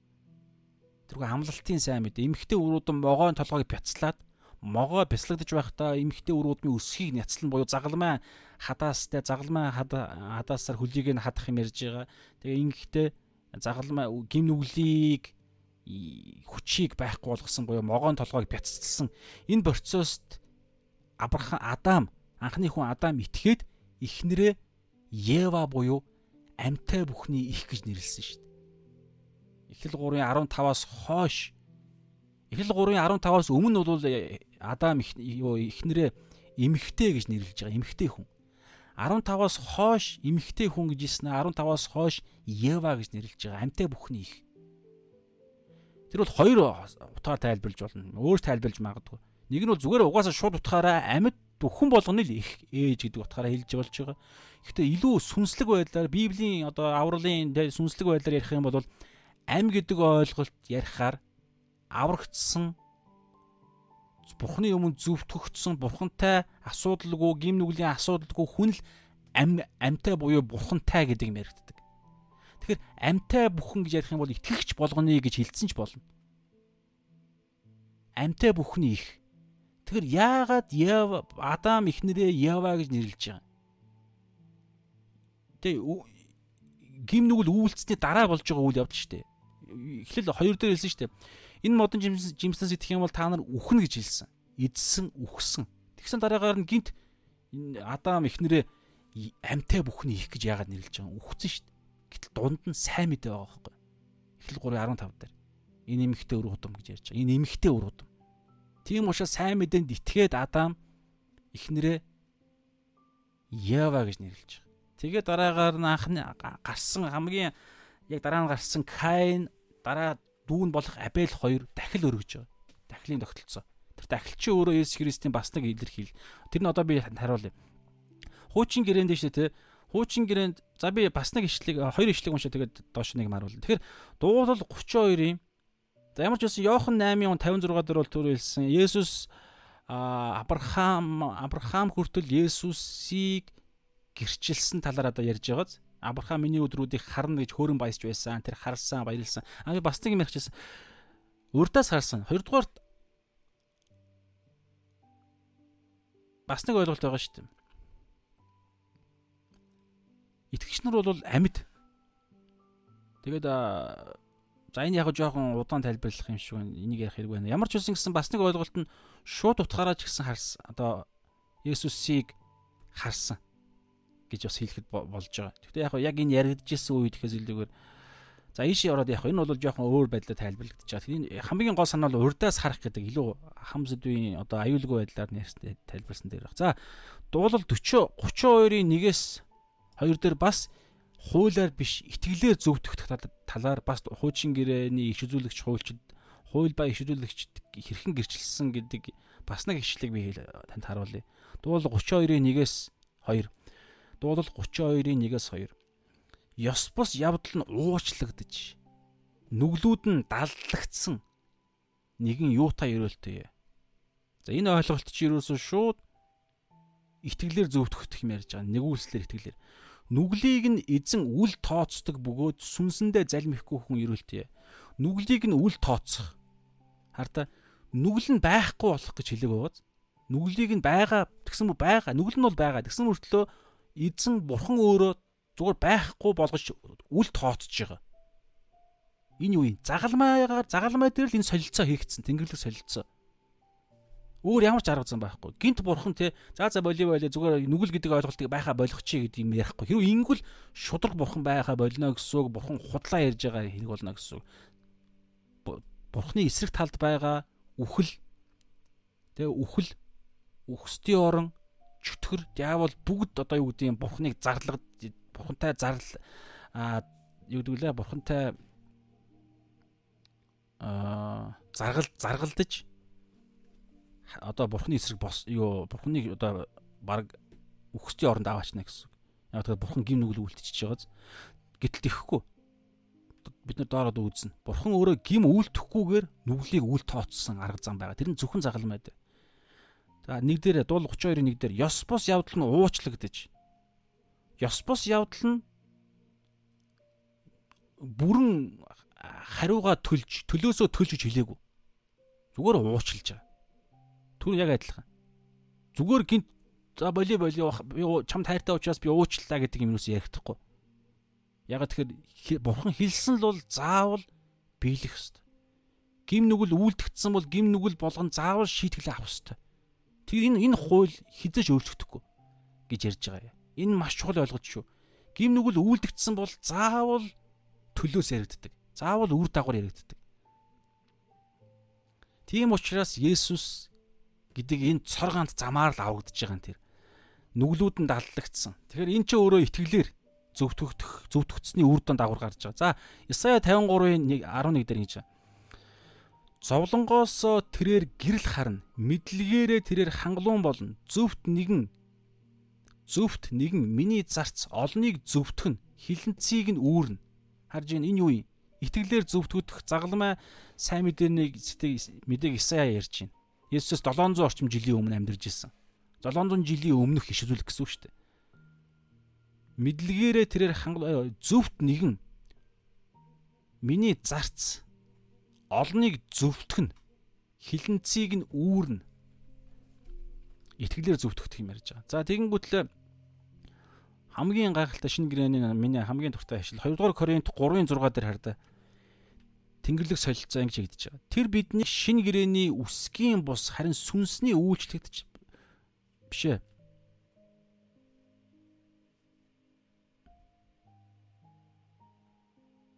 2-р Коринт за мөн дөө биш лөө. Тэр биднийг шин гэрээний үсгийн бус харин сүнсний үйлчлэгчд байх чадвартай болгосон.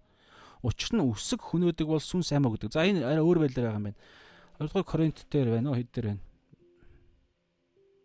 Бас гайхалтай ажил байгаа. За Биглс энэ үедээ гинц харчих юм бол харьцуулаад 2-р Коринт 5:26 дээр. А энэ 2-р Коринт 3-ын 6 юм байна. За 2 дугаар Коринт 5-ын 26 дээр нэг гоё ишлэл байгаа. Тэнгэрлэг солилцоо хийгдсэн ишлэл. 2 дугаар Коринт 5-ын 26. Энэ болохоор 2 дугаар Коринт 3-ын 6 дээр юу гэхээр хуулаар биш Тэгээ одоо энэ дээр хараад тэр хуулиар биш итгэлээр зөвтгөх талаар тэр биднийг шин гэрээний үсгийн бус харин сүнсний үйлчлэгчд байх чадвартай болгосон. Учир нь үсэг буюу хууль хөнөөдөг харин сүнс ам өгдөг гэж ярьж байгаа. За.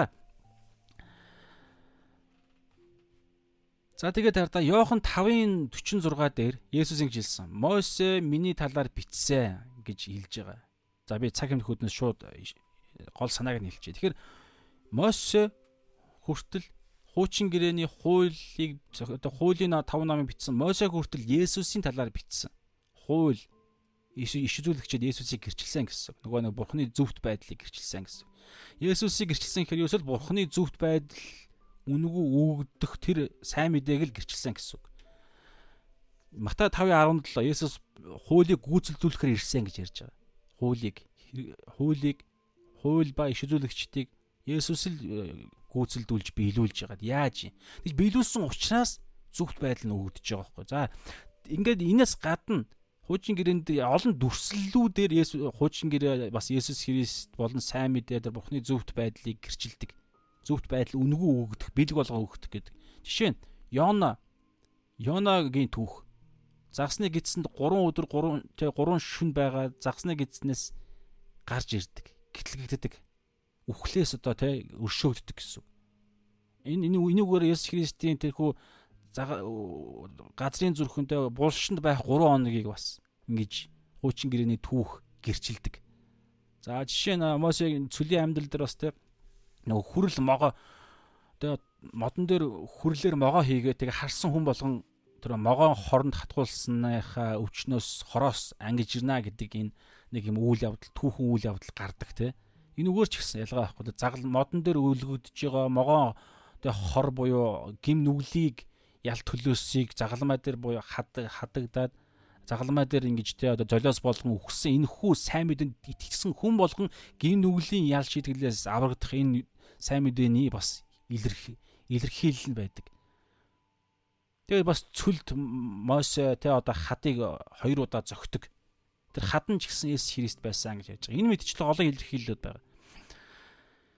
Тэгээд гитл гитлийн Египтээс гарч байгаа үйл явдал ч гэсэн бас Есүс Христ гэдэг дээгүүр өнгөрөх баяр маяг гэдэг олон юм байгаа. За тэгээд тэрнээс гадна дахлууд бүх дахлууд бас Есүс Христийн загалмайн төх төгс дахлын илэрхийллүүд нь бас төгс нэгүслийн ихний амтлахаа байсан байхгүй. Дахил дахил гэдэг чинь юу юм? Гим нүглийн төлөөс хүн өөх ёстой оронд нь мал адуус өгч байгаа.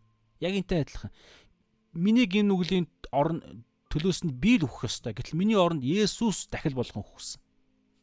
Гэх мэтчлэн олон илэрхийлэл байна. За ингээд гурав дахь нь энэ бол энэ байла. Дөрөв дахь нь Бурхны зөвхт байдал нь Бурхнаар л хангагддаг. Аа уучлаарай. Дөрөв дахь нь Бурхны зөвхт байдал нь итгэлээр өгөгдсөн. Итгэлээр. Энэ саятай ингээ нэгдүгээрт нь хуулиас ангид ингээ бурхан бурхны одоо тэгээ бурхан өөрөө хуулиас ангид биднэрт илчилсэн 2 дугаарт нь бурхан өөрөө хангасан. 3 дугаарт нь ингэж бурхан өөрөө хангах талаар хуучин гэрээ гэрчилсэн. За энэ энэ бүх зүйлсүүдийг одоо хуулиас ангид бурхнаар хангагдсан хуучин гэрээ гэрчилсэн энэ бурхны зөвхт байдлыг бид авахтаа ганцхан арга замаар аавна. Тэр нь зөвхөн итгэлээр. Ямар итгэлийн? Есүс Христэд итгэх итгэлээр. За энэ дээр энэ өнөөдрийн хамгийн чухал хэсэг. За энэ дээр би нэг хідэн санааг маш одоо юу гэдгийг хурдтайгаар ойлгомжтойгоор ярих хичээ. Цаг мэл явж байгаа ч гэсэн. За энэ гол хэсэг. За тэгж ингэж байгаа. Бурхны зөвхт байдал байдлыг хүлээн авах цорын ганц зам. Цорын ганц зам нь зөвхөн Есүс Христэд итгэх итгэл. Ингэж бид Бурхны зөвхт байдлыг авдаг. Хэрв за сайн сонсоорой. Зөвхөн Есүс Христэд итгэлээр л Бурхны зөвхт байдлыг авдаг зөвхөн буюу ганцхан ийм л арга зам ба. Гэтэл энэ ганцхан цор ганц энэ Есүс Христ итгэлээр аврагдах хэвээр энэ ганц зам байхад хэрв хин нэгэн хүн өөр ямар нэгэн зүйлд ямар нэгэн зүйлд итгэвэл эсвэл хин нэгэнд итгэвэл Есүсийн оронд ямар нэгэн зүйлийг амьдралынхаа зорилгоо эзнээ болговол хин нэгнийг Есүст итгэх ёстой байтал өөр Есүс илүүгээр өөр хин нэгэнд өөртөө ч юм уу эсвэл өөр юу ч байдیں۔ Ямар хин нэгэнд эсвэл ямар нэгэн зүйлд итгэвэл мөн эзнээ болгоод араас нь зорилгоо болгоод дагаад цаг заваа одоо бүх юмаа зориулаад яв явбал энэ зүвт байдал өгөгдөхгүй.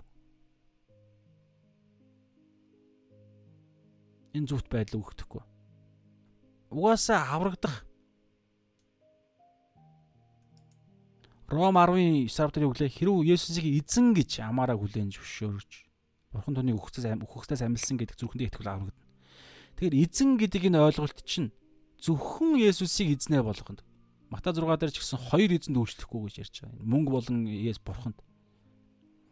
Тэгэхээр зөвхөн Есүсийг эзнээ болгож зөвхөн Есүсийг араас дагаж зөвхөн Есүст итгэх өөр хин нэгэнд биш өөр ямар нэгэн зүйлд биш Хэрвээ өөр ямар нэгэн зүйлд итгээд өөр ямар нэгэн зүйлийг эзнээ болгоод зорилгоо эзнээ болгоно гэхээр оо би бол одоо юу гэдэг мөнгийг эзнээ болгохгүй гэж ярьдаг мөртлөө мөнгийг зорилгоо болгоод явдаг. Энд яг адилхан шүү дээ. Хүмүүс ингээ ойлгохгүй. Жохон үгийг үгийг нь өөрчлөөл ярьчихаар толгой нь эргэчихэд. Үгүй шүү дээ. Амьдралынхаа өдөр хоногийнхоо амьдралынхаа зорилгыг Бурхны хаанчлалын буюу загалмайн зорилгыг гол зорилгоо болохгүй явж байгаа итгэгч байвал Есүсийг эзнээ болгоогүй байгаа гэсэн үг байхгүй. Тэгэхээр зөвхөн Есүс Христэд итгэх итгэлээр зөвтгөгддөг гэж ярьж байгаа. Зөвхт байдал Бурхны зөвхт байдал өгддөг. 22-ыг уншия л да. Есүс Христэд итгэх итгэлээр Бурхны зөв нь итгэгч бүхэнд байна. Ялгарлал байхгүй. Есүс Христэд итгэх итгэлээр тэрнээс биш Есүс Христэд итгэх итгэл дээр нь нэмэх нь гэдэг юм ярихгүй. Энэ бол хуурамч итгэл хуурамч итгэл байгаа. Одоо би доор хэлнэ. Эсвэл Есүс Христэд итгэх Есүс Христэд итгэдэг гэдэг мөртлөө амаараа тэгж ярьдаг мөртлөө үйлсэн зүрх нь амьдралынхын сонголтууд нь Есүс загалмаа Бурхны хаанчлалын зорилго биш. Орон зүгээр энэ дэлхийн хаанчлалын буюу зүгээр л эд баялаг, байр суурь, нэр алдар, эрүүл мэнд, алд жаргал, сайхан мэдрэмж тэрийг зорилгоо болгоо явж ивэл тэр хүн тэр хүнд бурхны зөвхт байдал өгөхдөггүй.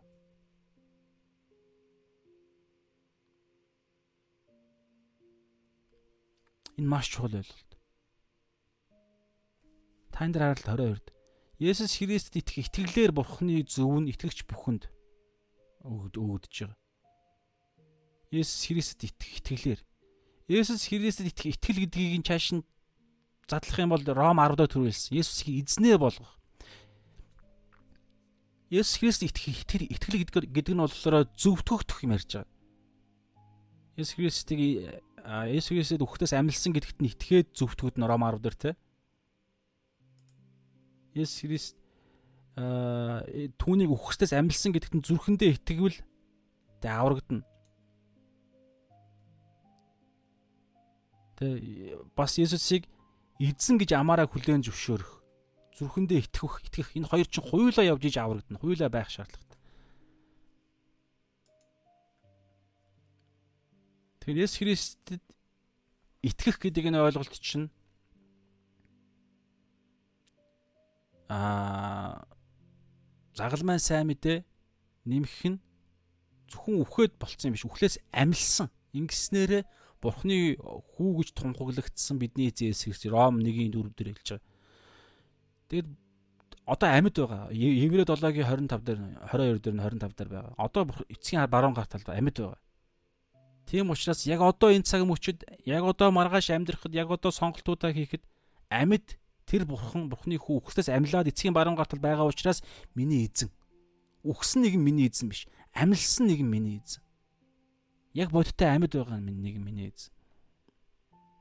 Гэтэл тэр нэг яг эцгийн баруун гартал еврей 7-гийн 25 дээр өнөөдөр байгаа тэр хэлж байгаа эцгийн баг өөрт нь ойртогчдыг аврахын тулд үргэлж амьд байдаг. Зуушлан залбирал бас залбирдаг гэж ярьж байгаа. Гэтэл зүгээр эзэн гэж хэлсэн мөртлөө өөр нэгнийг эзнээ болгоод дагаад явж байгаа өөр ямар нэгэн ойлголтыг ямар нэгэн зүйлийг эзнээ болгоод итгээд байгаа явж байгаа. Тийм бол Есүсийг эзнээ болгоогүй байна гэсэн. Есүсийг эзнээ болгоогүй байна гэдэг чинь Есүст итгээгүй байна гэсэн. Есүс итгээгүй хүнд аврал ярихгүй, зүвт байдал ярихгүй.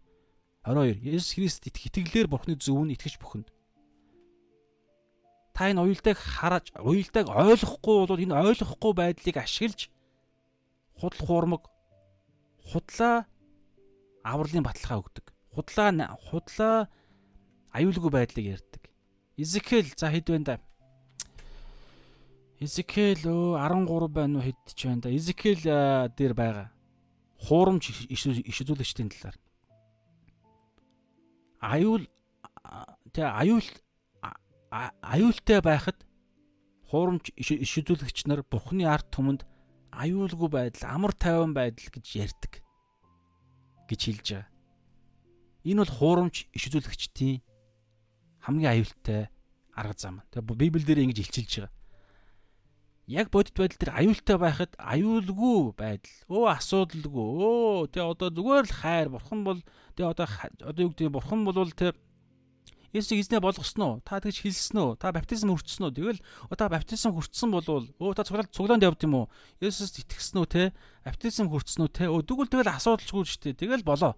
Өө та тэгэл өргөлөө өргөөл цуглаандаа яваал тэгэл ингээл ингээл нэг иймэрхүү шашны зам үйл шиг юм яриад тэгэл асуудалгүй шүү дээ. Ямар ч асуудал байхгүй. Амар тайван бай гэж ярьдаг чинь аюултай байгаа байхгүй. Хуурамч иш үзүүлэгчдийн нэг төлөв байдал энэ гэж ярьж байгаа. Изекэл 10 3 тал нэг бүлэг дээр байгаа. Гэтэл хардаа жинхэнэ итгэл өөр юм ярьдаг. За би одоо итгэлийн тодорхойлтыг хэлье. Итгэл гэдэг бол хардаа амьдралаараа Есүс Христэд амьдралаа Есүс Христэд өгөх зориултыг яриад байгаа. Бүр амьдралаа. Тийм учраас энэ зүгээр нэг мэдлэгээс илүү ойлголт. Мэдрэмж нэг сайхан гой мэдрэмжээс илүү ойлголт. Бүр амьдралынхаа бүх зүйлийг Есүс Христэд зориулах юм ярьдаг. Тийм учраас та бол миний эзэн гэж хэлээд аврагддаг. Тэгэхээр өөр нөгөө талдаа Есүсийг эзэн гэж байгаа юм бол би өөрөө боол. Йохан дөр бол хэлж байгаа. Би та нарыг дахиж зарцтар гэж дуудахгүй. Би та нарыг анд нөхөд гэж дуудана. Бурхан бол биднийг анд нөхөд гэж дуудаж байгаа, охид хүүгүүд гэж дуудаж байгаа, хамтрах хамтрагчд гэж дуудаж байгаа. Янз бүрээр дуудана. Угаасаа тэгж Бурхан бол гэж харж байгаа. Харин бид нар бидний Бурханыг бид нар өөрийгөө харах хамгийн гол хандлага нь боол юу? Хэрвээ бид Бурхан Есүсийн боол, Бурханы боол гэж өөрийгөө харж байгаа бол энэ зүрх чинь хамгийн чухал зүрх. Яагаад гэхээр энэ дэлхийн тулаан донд байгаа учраас хоёр эзэн гэдэг ойлголт яригдж байгаа учраас эз боол гэдэг ойлголтыг ярих ярих болгондоо энэ ойлголтоор өөрсдийгөө тодорхойлох болгондоо бид сонголтыг хийж байгаа. Сатаны боол биш, Есүсийн боол болж байгаа гэдгээ сонголтоо хийж байгаа. Угаасаа хүн ямар нэгэн зүйлийн заавал боол байна. За тэгэхээр жинхэнэ итгэл бол тэр. Тэгэхээр тэгээд энэ дээр хараа бүх зүйлээрээ бүх зүйлээрээ Есүст итгэх гэдэг ойлголт. Бүх зүйлээ Есүс бүх зүйлээрээ бүх зүйлээ Есүст зориулах. Буюу Бурхны хаанчлалын төлөө Есүст зориулах. Эзэндээ зориулах, эзэндээ таал, эзэннийхээ эрх ашиг бүх зүйлээрээ одоо биелүүлэх. Тэгээ бүтнээрээ бүхнээр бүтнээр гэж ярьж байгаа. Бас буцалтгүй. Буцалтгүйгээр амьдралаа зориулах. Бүх зүйлээрээ амьдралаа зориулах. Бүр бүтнээрээ амьдралаа зориулах. Буцалтгүйгээр эцсээ хүртэл үх үхэн үхтлээ зориулах. Сургаалт өгс 3-5 дээр ингэж бүх зүрхээрээ эзэнд итг. Өөрийн бүү төвшгөл өөрийнхөө ойлголтод Тэр нь өөрийн ойлголт гэдэг зүйл ерөөс зүйлийг бит зүйлийг хаяад бүх зүрхээрээ бүтнээрээ эцсээ хүртэл амьдралаараа эзэнд эзэнд буюу Есүст итгэж Есүсийн үгийн дагуу явдаг эн чинь жинхэнэ итгэл. Өөрийн ойлголтод төшөөлдөггүй. Өөрийн эрх ашигыг зорилгоо болгодоггүй. Бүх эхлээд Бурхны хаанчлал зүйн зүвт байдал тэгвэл харин нэмж өгдөг. Бид өөрсдийгөө хангасан нь дээр үү бүх зүйлийг өөртөө агуулдаг, бүхнийг өөрийнхөө тогтоон барьж бүх зүйлийг хангах бүгдийг хийх чадaltaй тэр бурхан биднийг хангасан дээр. Ром 6-гийн Ром 6-гийн 16-аас 18 дээр нэг юм бишлээ. Энэ жинхэнэ итгэлийг илэрхийлдэг шүү дээ. Та нар өөрсдийгөө дуулууртай дуулууртай боол болгон Та нар өөрсдийгөө дуулууртай боол болгоно хэн нэгэнд өгөхдөө үхэлд хүргэх нүгэлж бай. Эсвэл зүвт байдалд хүргэх дуулуурч бай. Дагах нэгнийхээ боол болдгоо мэдэхгүй гэж юу? Харин талархал нь бурханд байг. Учир нь та нар нүглийн боолууд байсан. Есүс итгэхээс өмнө бид угаасаа нүглийн боолууд байсан. Хүн болгон нүглийн боол болж төрдөг. Яг тэр ертөнц нь өөрөө тийм ертөнцид амьдарч байгаа шээс. Энэлхийн ертөнц. Тэгэхээр та нар нүглийн боолууд байсан. Боловч та нар өөрсдөд чинь өгөгдсөн уг сургаалын тэ хэв маягт сайн мэдээ гэсэн сайн мэдээний үнэнд гэсэн уг сургаалын хэв маягт зүрхнээсээ дуулууртай болж гим нүгэлт биш сайн мэдээнд гэсэн үг те зүрхнээсээ дуулууртай болж нүглээс чөлөөлөгдөн зөвийн боолууд болсон. Хүн болго ямар нэгэн зүйлийн заавал боол байна. Өмнө нэг бол нүглийн боол, нэг бол зөвийн боол. Аль нэгийг сонгоно. Тэр жинхэнэ итгэл авралт хүргэдэг итгэл жинхэнэ итгэл бол Есүс Христийг эзнээ болгож Есүс Христийн бид боолн байж. Гэтэ амьдралаараа насан туршдаа. За хуурамч итгэл яадаг вэ гэхээр Есүст итгэх итгэл дээр дандаа нэмдэг. Есүст Есүст итгэх итгэлийг Есүсийн загалмаа үйл явдлыг хангалтгүй мэтэр нэг юм үйлдэлүүдийг гаргадаг. Ойлголтуудыг ярьдаг. Хандлагууд юм итгэлгүй байдал гаргадаг. Есүст итгэх итгэл дээр нэмэх нь баптизм. Өөрөөр хэлбэл баптизм хүртсэн бол тэгэл та итгэж хүн штэ гэж ярих гэдэг. Эсвэл чуулганы гишүүн бол та итгэж хүн. Эсвэл та сайн үйлс хийдэг үү? Та үйлс гаргадаг уу? Тэгвэл та итгэж хүн гэж ярих гэдэг. Үгүй. Есүс итгэх итгэл бид нарыг Бурхны охид төгөөд болгож зөвтгөх зөвтгөгдсөн хүн болгож аврагдсан хүн болгодог. Тэрнээс биш баптизм хүртэх үед биш. Чуулган сандал бүлээд дулаад суулгахад итгэж хүн болд юм биш. Нэг юм сайн үйлс гаргаад үйлчлэл хийгээ та нэг тэгснээрээ итгэж хүн байгаад байгаа юм биш. Энэ бол зүгээр жинхэнэ юм нь байгаа бол аяанда гарах үр дагавар. Зүгээр тэмдэг гаднах илэрлэн.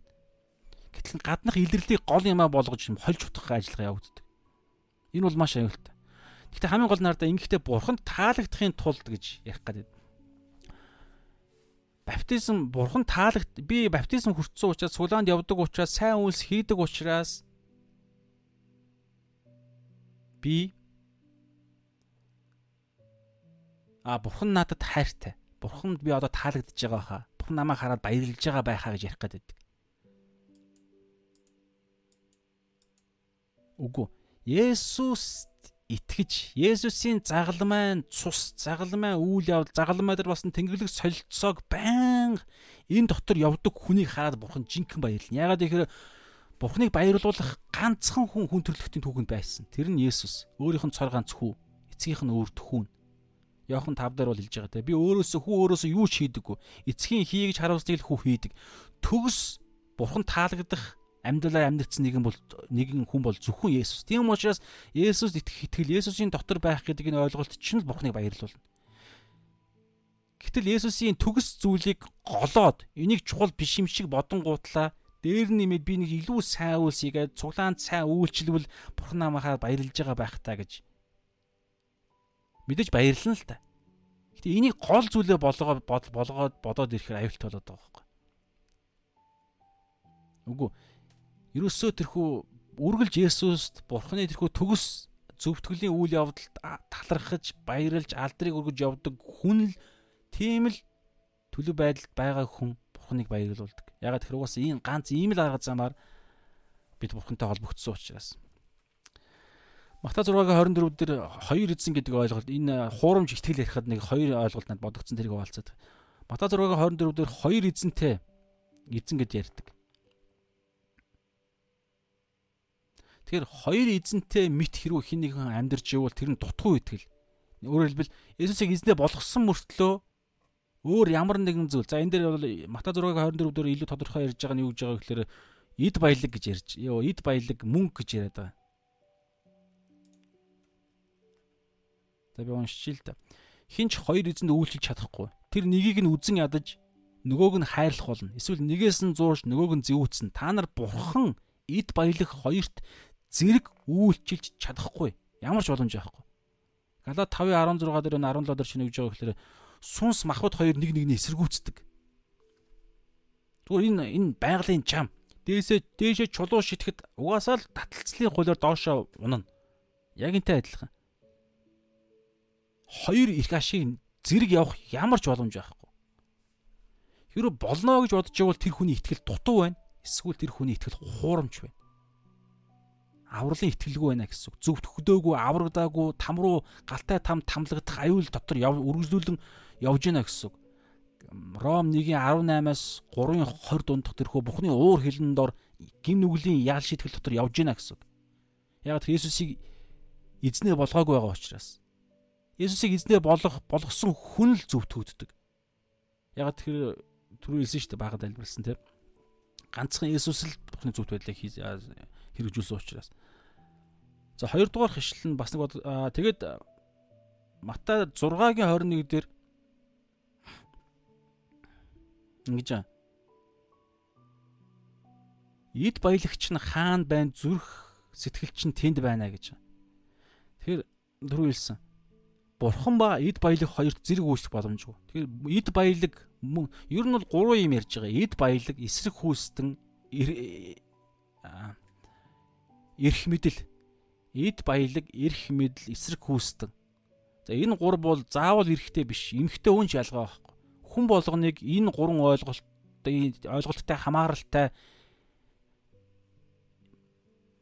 энэ дэлхийн эрх ашигын зүйлсүүд боолчилдог байхгүй эзэмддэг унгаадаг гэсэн үг. Боолчилдог нөлөөлж идэг эзэн эзэн нь болж идэг. Тэгэхээр эд баялаг бурхан миний Есүс миний эзэн биш эд баялаг миний эзэн. За эзэн гэж ярихаар амьдралын зориг миний одоо амьдралын зориг түүнийг гол алсын хараага болгоод түүний төлөө ингэж ажиллаж амьдарч байгаа тэрийг яриад байгаа шүү. Тэгэхээр эзнийхээ төлөө би боочлогдож штэ. Мөнгө олохын төлөө эд баялаг баялагтай болохын төлөө эрх мэдэлтэй болохын төлөө тэ ижил эсрэг хүүстэн буюу тэ тэр нэг биеийн одоо юу гэдгийг тэр нэг одоо тэ энэ дэлхий дээр аз жаргалч гэдэг юм уу биеийн таашаалж гэдэг юм уу тэр зүйлийг төлөө би амьдарж гин ярьж гин явж гин ингээд юм ингэж гин Гэтэл Есүсийг биш өөр Есүс өөр юмыг ингэх юм бол тэр хүн ерөөсөө шууд ялж итгэл. Бухны уур хилэн дор байга. Аврал байхгүй. Тэгээ итгэгч хүн ийм ойлголт ярихаараа амаа энэ тэр утгаараа энэ хуурамч итгэл байгаа байхгүй. Хуурамч итгэл эсвэл дутуу итгэл. Одоо би юу гэж ярих юм? Ямар ч байсан Библийн бол хааш аюултай. Одоо Матадлогийн 13-аас 14 дээр ингэж Матадлоо Методологи 13-аас 14 дээр хавчиг хаалгаар ор. Тэгэхээр саяны ярьс яг саяны ярьсан ойлголт ч өөрөө хавчиг ойлголт байгаа юм. Юу? Яагаад Есүсийг эзнээ болгох хэвтэй юм? Тэгээ өө ямар хэцүү юм? Өө ямар давчуу ойлголт вэ гэж ярьж бол тийм ээ энэ давчуу учраас энэ хавчиг хаалгаар ороорой гэж ярьж байгаа. Гэхдээ яг орцсон тохиолдолд энэ хавчиг хаалга биш шүү. Бас учир нь сүрэлт хөтөлдөг хаалга нь уужууд зам нь өргөн. Олонгон тийшээ ортог. Тэ одоо юу гэдэг юм. Оо юу ярьж байгаа юм бэ? Эд баялагч нь чухал штэ. Өргөсөж чинь. Эд баялаг чухал. Тэ эд баялаг хэрэггүй гэж яриаггүй шүү би. Эзнээ болгох, амьдралынхаа зорилгоо болгох гэдэг л аюултай юм байна. Тэрүүгээр цаана чөтгөр ажиллаж яадаг байхгүй. Есүсийг эзнээ болгохгүй өөр ямар нэг юмыг орон тавьж байгаа бүх юмыг цаана чөтгөр ажиллаж байгаа. Тийм учраас энэ өргөн ойлголт. 14 Мата 7-гийн 14 ам өөд хөтэлдэг хаалга нь хавчиг зам нь нарийн. За зарим орчуулгуудаар бүр хэцүү гэж байгаа. Зам нь нарийн хэцүү. Цөөнхөн түүнийг олдог. Хавчиг хаалгаар ор. Тэгэхээр хаалгаар ор гэж байгаа тэр замаар яв гэж байгаа. Тэгэхээр ямар хүнд хаалгаар ороорой гэж хэлэх вэ? Хаалганы гадаа байгаа хүнд.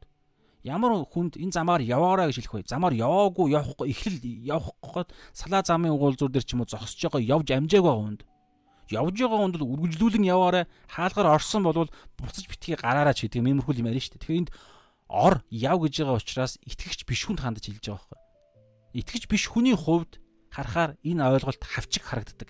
Зам нь ямар хэцүү юм бэ? Ямар нарийн юм бэ гэж харагддаг. Харин итгэж хүний хувьд ийм биш. Гайхалтай өргөн зам. Юу? Үнэхээр өргөн зам шүү. Тэгээд энэ өргөн зам. Тэгээд энэ хаалга нь бол үнэхээр гайхалтай үзэсгэлэнтэй хаалга. За хавчих нь бол хавчиг. Юу гэдэг өөр ойлголт энэ бол баталгаатай. Ганцхан Есүс Христ. Энэ бол дандаа энэ замч гэсэн нарийн ганцхан Есүс Христ. Гэхдээ хэцүү гэдэг дээр яхад бол Есүс Есүс Христийн ариун сүнсээр явхад энэ хэцүү биш болж болдог. Үннээр явхад хэцүү биш. Миний Матай дээр бол миний Матай 11 дээр юу гэж байгаа гэхээр эцэж туйлдсан хүн дарамт дүүрсэн хүмүүсээ бүгд зүдэд хүн дарамт дүүрсэн хүмүүсээ бүгд над дээр би танарт амралтыг үгүй миний буулга эвтэйхэн ачаа минь хөнгөн гэж ярьж байгаа. За тэгэхээр зөвхөн итгэлээр аврагддаг. Харин тэр итгэл нь жинхэнэ амьд Есүсийг эзнээ болгосон тэр итгэл итгэлийг ярьж байгаа.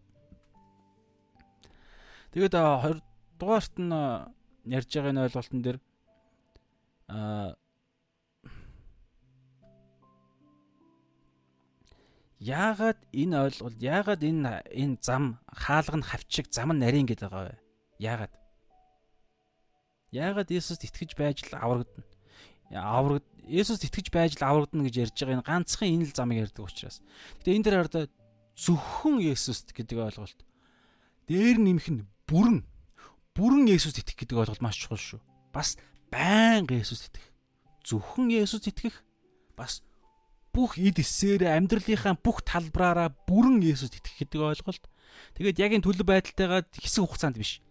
Есүс эцсээ хүртэл буюу Есүс Христийн хоёр дахь ирэлт ч юм уу эсвэл бид нарын энэ дэлхий дээр хугацаа дуусаад өөхөх хүртэл байнга зөвхөн Есүст итгэх, байнга бүрэн Есүст итгэх гэдэг ойлголт ярьж байгаа. Энэ чинь жинхэнэ итгэл. За 5 дугаарт нь за энэ дөгч байгаа. 5 дугаарт нь Бурхны зөвхт байдал бүгдэд хэрэгтэй.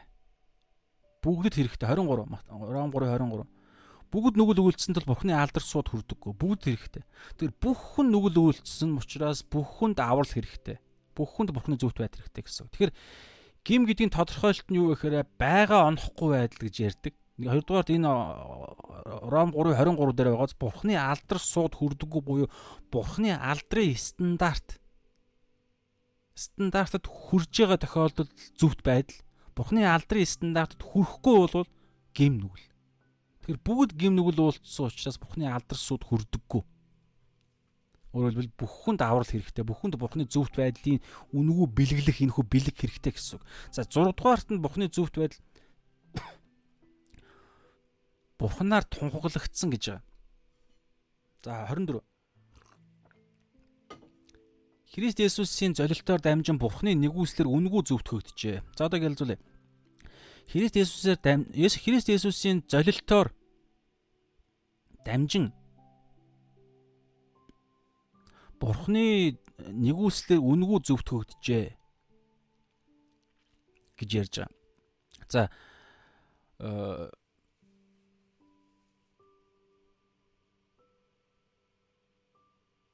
Бурхнаар энэ Христ Бурхнаар энэ зөвхт байдал нь өгөгдөж байгаа, тунхаглагдж байгаа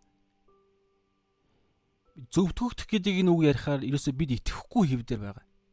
Бид болохоор зүгээр зөвтгөлийг авдаг, зөвтгөгдөгч, зөвтгөл яг зөвтгөгч нь болохоор бурхан өөр. Бурхан цор ганц итгэвтэй. Бид болохоор итгэхгүй хэв дээр байгаа. Бурхан өөрөө итгэвтэй.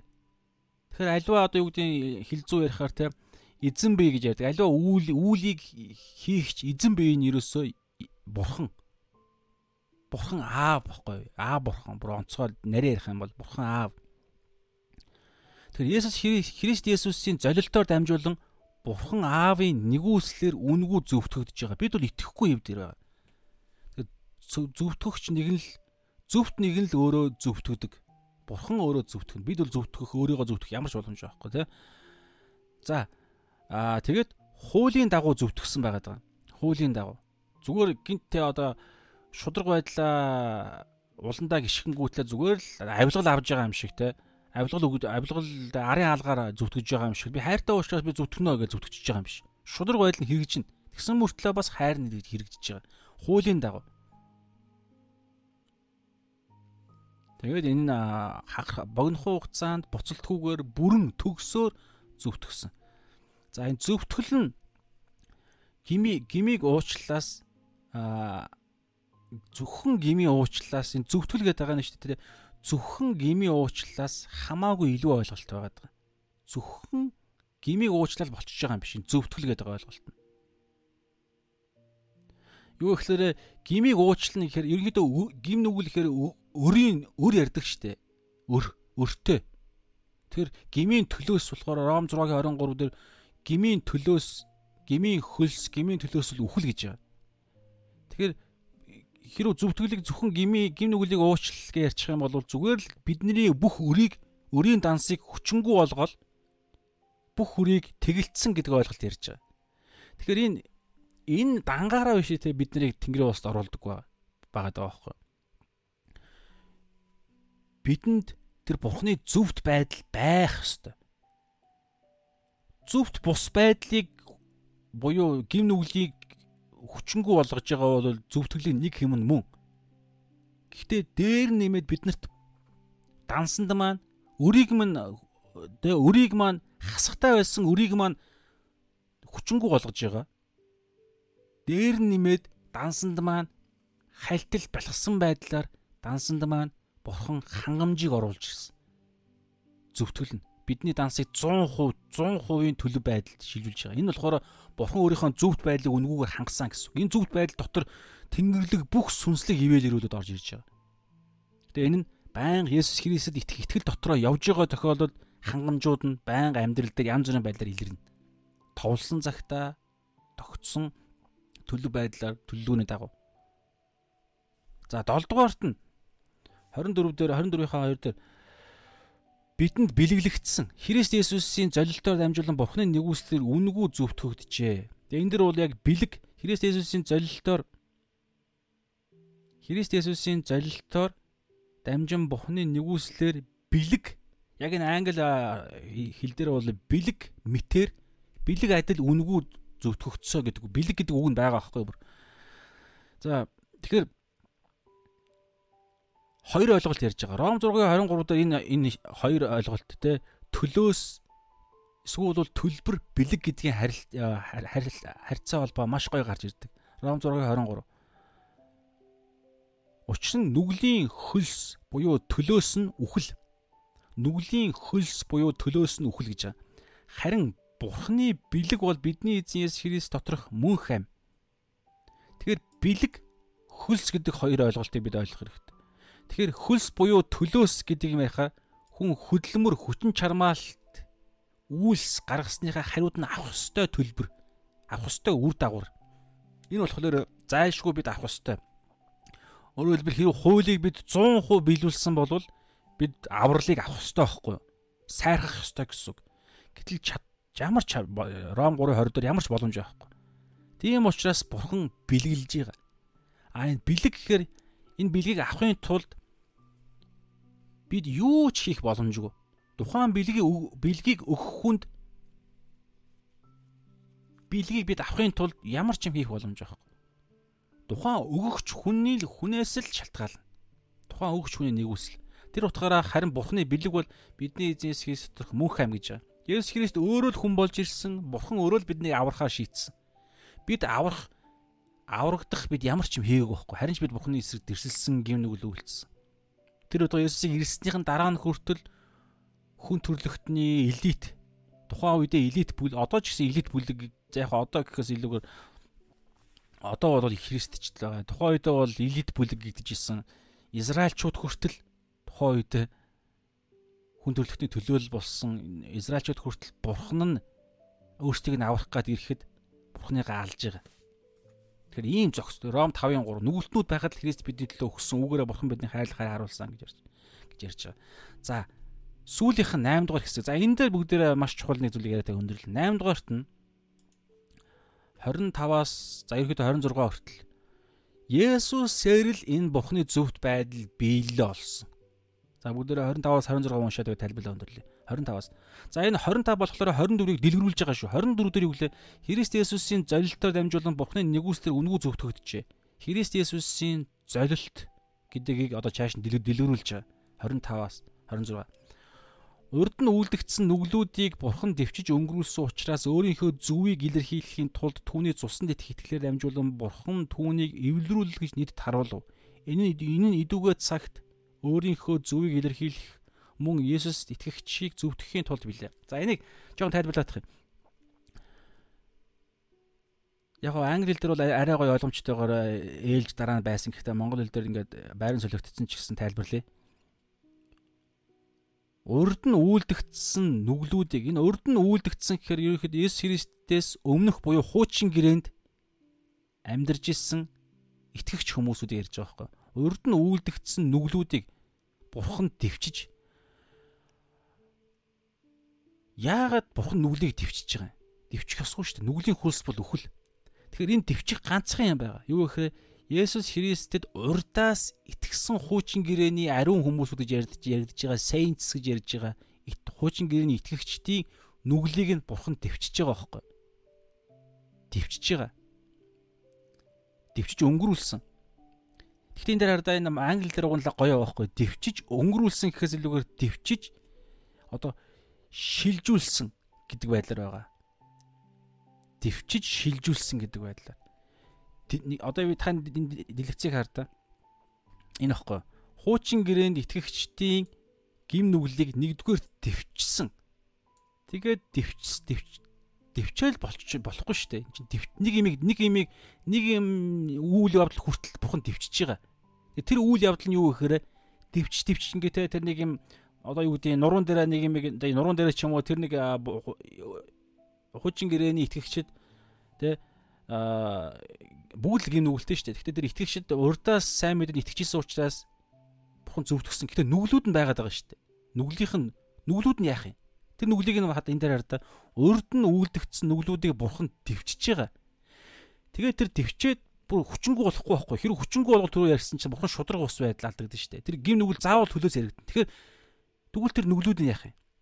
Энэ pass за англи дээр юу гэлээ? Pass за тэр дагварыг мартчихсан байна. Ямар ч үсэн шилжүүлэх гэдэг үг байгаа байхгүй? За би гаргах чи дөө. Анчид лээ 25 дээр.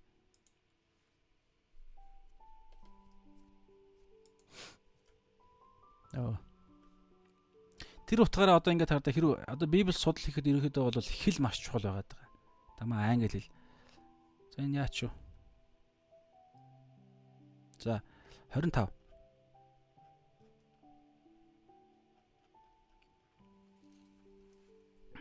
За та дэлгэц харж байгаа бол те whom God displayed та ингээд байрлал нөгөө ингээд солилцсон. Одоо сая саяны ярьж байгаа ойлголт чинь энэ ч тийм. Because гэд эхэлж байгаа байхгүй юу? Учир нь гээд in the forbearance of God he passed. Тара forbearance чинь те төвчээр Тэ хүлцэл төвчээр Учир нь бурхан төвчээр дотроо he passed over. Sins pa passed over. Зүгээр төвчээд зүгээр ингээд өнгөрөх гэсэн зүгээр ингээд шилжүүлж байгаа ойлголт байгаа байхгүй пааслаараа пааслж байгаа юм шиг паасаас шилжүүлж байгаа тэр юу хэлэх гээд байгаа гэхээр урд нь үлдгэсэн нүглүүдийг бурхан төвчиж өнгөрүүлсэн. Эсвэл бол те төвчиж одоо шилжүүлсэн гэдгээр л бодогдоод байгаа юм надад л. Тэгээ шилжүүлсэн хаашаа вэ гэхлээрэ загламаар ерөөсөө шууд. Өнгөрүүлсэн учраас өөрийнхөө зүвийг илэрхийлэхийн тулд энэ өөрийнхөө зүв гэдэг нь зүвч шудраг байдал чинь гим нүгэл нүглийг зүгээр төвчээд өнгөрөх биш шүү дээ. Энэ эн чинь шудраг байдал биш байхгүй. Төвчээд заавал нэг юм дээр үр дагаврыг нэг юм тохох ёстой. Тэр нь бол хуучин гэрээндээ бол дахилуд байсан, дахил байсан, малын дахил. Тэгэд Есүс Христ загалмай дээр болохоор одоо энэ шилжүүлж байгаа, энэ өнгөрүүлэх буюу шилжүүлж байгаа. Тэгжиж өөрийнхөө зүвийг илэрхийлж байгаа. Гэхдээ энэ араа илэрхийлэхийн тулд одоо энэ дээр дэлгэрэнгүй ярьж байна. Илэрхийлэхийн тулд Есүсийн түүний цуснд итгэх итгэлээр дамжуулан Бурхан түүнийг эвлэрүүлгэж нийтэд харуулв. Энэ нийтэд харуулах буюу ил ил харуулж байгаа. Бусдын юмд displayed буюу ил харуулж байгаа загалмай дээр гэсэн үг. За энэ дээр тэгээд за тэгээд харуул энэ болохоор хуучин гэрээнд ингэж ярьсан. Тэнгүүтээ 26-аас шин гэрээ. Энэ нь идүүгээ цагт. За тэгээ урд нь үйлдэгдсэн нүглүүдийг ингэж төвчж байгаа. Тэгээ загалмай дээр ингэж хилжүүлсэн бол энэ нь идүүгээ цагт өөрийнхөө зүвийг одоо тэг шин гэрээнд ч гэдэм үү загалмаагаас хойш ч гэдэм үү загалмай үйл явдалтай хамааралтайгаар загалмай үйл явдлаас хойш энэ идүүгээ цагт өөрийнхөө зүвийг илэрхийлэх мөн Есүс итгэгчийг зөвтгөхийн тулд билээ. Одоо бол шууд Есүст итгэх, төвчих шаардлагагүй. Шууд загалмай дээр болсон үйл явдал. Зүгээр шууд зөвтгөх процесс яригдчихэж байгаа. Есүс шууд Есүст итгэх итгэл хуучин гэрээнд хуучин гэрээнд бол яг Есүст итгэлэхээс илүүгээр Есүс тэ тэр хамлалтанд итгэх итгэл яригдчихсэн. Тэгээд хүлээгдэж төвч төвчж ягаад загалмай дээр эренгүүтэл загалмай руу шилжүүлж байгаа. Хуучин хуучин өнгөрснөөс загалмай руу харин загалмайгаас хойш болохоор юу гэхээр шууд Есүс рүү шууд загалмай руу. Та анзаарж байгаа бол иймэрхүү ойлголт ярьж байгаа. За за энд нэг хэд хэдэн юм яриадах юм. Есүс бидний өрийг төлсөн. Тэ Есүс бидний өрийг төлсөн. Гимгүй төгс Есүс бидний өрийг төлсөн. Энэ ойлголтыг ярихад нэг хоёр байдлаар яригдж байгаа. Нэгдүгээр Есүс өөрөө гимгүй амьдрсан, төгс амьдрал. Түрүүн Ром 3:23 дээр хэлсэнчлэн Бурхны алдар сууд хүрсэн гэсэн үг. Гимгүй. Тэр стандартд хүрсэн. Бурхны зөвхт байдал Есүст байсан гэсэн үг. За сонсч энэ энэ нөгөө бурхан зүвт байдлаа энэ 8 дугаард нэгсэн шүү дээ. Есүсээр л биелүүлсэн. Бурхан зүвт байдлаа биелүүлэхдээ Есүсээр дамжуулан бид одоо биднэрт дамжуулах гэж юм л та. Би тайлбарлах гэдэг. Тэгэхээр ингэхийн тулд Есүс өөрөө энэ дэлхий дээр 33 жил зүвт амьдэрсэн. Бурханы алдрын сууд стандартанд хүрсэн, гимгүй амьдэрсэн гэсэн. Зүвт байдал нь Есүст байж исэн. За тэгсэн мөрт тэгээд бидний нүглийн төлөөс нь Есүс зүвт мөртлөө, өөх ёсгүй мөртлөө, гмийн төлөөсөө төлөхсгөн мөртлөө бидний оронд төлж байгаа. Бидний оронд Есүс ороод бид Есүсийн оронд. Есүс бидний оронд золиос нүглийн нүглийн төлөөс болж золиосын үхлээр өгч байгаа. Бид Есүсийн оронд Бурхны алдар сууд хүрсэн гимгүү тэр төлөв байдал буюу Бурхны зүвт байдал биднэрт бэлэг болгон өгөгдөж байгаа. Энэ маш чухал ойлголт. Энд чинь эн чинь сайн мэдээ. Тэгэхээр гмийн төлөөсийг Есүс төлсөн. Тэгээ гимгүй амьдралаар амьдрсан. Гимгүй амьдралаар амьдрсан амьдралаа биднэрт бэлэглээд оронд нь бидний оронд гмийн төлөөсийг өөр дөр үрж байгаа. Тэнгэрлэг солилцоо гэдэг байгаа чинь. За 24 дээр ингэж байгаас. Христ Есүсийн золилтод дамжуулан Бурхны нэгүслэр үнгүү зөвтгөгдөжээ. Христ Есүсийн золилт гэдэг энэ үг Христ Есүсийн золилт дотор. За энэ золилт гэдэг байгаа энэ үг шүү дээ, тэ. За би хаана авчихсан байна да. Тэ. Төлөөс. Энэ золилт гэдэг байгаа redemption гэдэг үг байсан санагдаж чинь төлөөс. 24 хаана. Тэ redemption. Being justified as gift His grace through the redemption. Энэ redemption гэдэг энэ золилт гэдэг байгаа хүчнийг төлөөс гэдэг тийм санаа байгаа байхгүй ерөөхдөө бол. Төлөөс. Тэгэхээр Христ Есүсийн золилт төлөөс дотор бид зөвтгөгдөж байгаа. Тэгэхээр энэ Есүсийн энэ яг энэ дотор гэдэг гэдгээр байгаа байхгүй. Тэгэхээр Есүсийн дотор л бид зөвтгөгдөж байгаа. Тэгэхээр энэ энийг бас юусоо холж утгаж ерөөсөө болохгүй. Есүсээс одоо юу гэдэг нь цуглаан цуглаанд явж байгаа учраас үйлчлэл хийж байгаа учраас ямар нэгэн библийн мэдлэгтэй учраас эсвэл сайн үйлс хийж байгаа учраас бид зөвтгөгдөж байгаа юм биш. Зөвхөн Есүсийн загалмай дээр 2000 жилийн өмнө болсон тэрхүү түүхэн маш бодтой үхэл. Тэр үхэл бодтой үхэл дотор л бид зөвтгөгдөж байгаа. Бухны зөвхт байдал биднэрт шилжиж байгаа. Тэрэнд нь итгэх итгэх үед Тэгээ гадна ямар ч зөвтгөл байхгүй. Дээр нь нэмэх нь ямар ч юм байхгүй гэж ярья. За энийг 25 дахь дэлгэрүүлж ярьж байгаа нь юу гэж байгаа гэхээр бүгдэд эвлэрүүл 25 дараа да 2 25-ын 2 дугаар хэсэг. Өөрийнхөө зүвийг илэрхийлэхийн тулд түүний цуснд итгэлээр итгэдэг дамжуулан бурхан түүнийг эвлэрүүл гэж нийтэд буюу бүгдэд харуулж байгаа. Энэ бол загалмай үйл явдал, загалмайг ярьж байгаа. Нийтэд харуулсан буюу нийтэд ил тэрхүү Голгота дээр ил ингэж бүгдэд үзүүлэн болгож шоу болгож харуулж байгаа. За энэ дэвштэй маш чухал нэг ойлголт байгаа шүү. Стил Лосон доктороос би сурлаа. Маш чухал ойлголт. Шинэ ойлголт. Энэ үгэн дотор нь байгаа Юу гэхээр энэ хүү тэ энэ эвлэрүүлэр гэдэг үг байгаа даа байхгүй. Одоо энэ англи хэл дээр болохоор perpetuate юу заа за би маш хэлэх гэж оролдъё. 25 дээр perpetuation propit энэ үг л дээ. propitiation propitiation энэ биш те ямар үг вэ гэхээр яг энэ дэр эвлэрүүлэл гэж орчуулсан яг байгаа оноог юм шиг надад санагдсан. Учир нь эвлэрүүл гэдэг яг тэр нөгөө Ром 5 дээр байгаа байхгүй reconciliation гэдэг. Энэ болохоор яг эвлэрүүл эвлэрүүл гэдэг теологийн хэллэг байгаа даа. reconciliation. Харин propitiation гэдэг энэ болохоор тайвшруулал гэдэг үг. Ханамж, ханамж гэдэг үг, тайвшруул гэдэг үг. За энэ шитэй маш чухал нэг ялгааг одоо харуулж ирж байгаа. Ингээд ирэхээр 25 дээр өөрийнхөө зүвийг илэрхийлэхийн тулд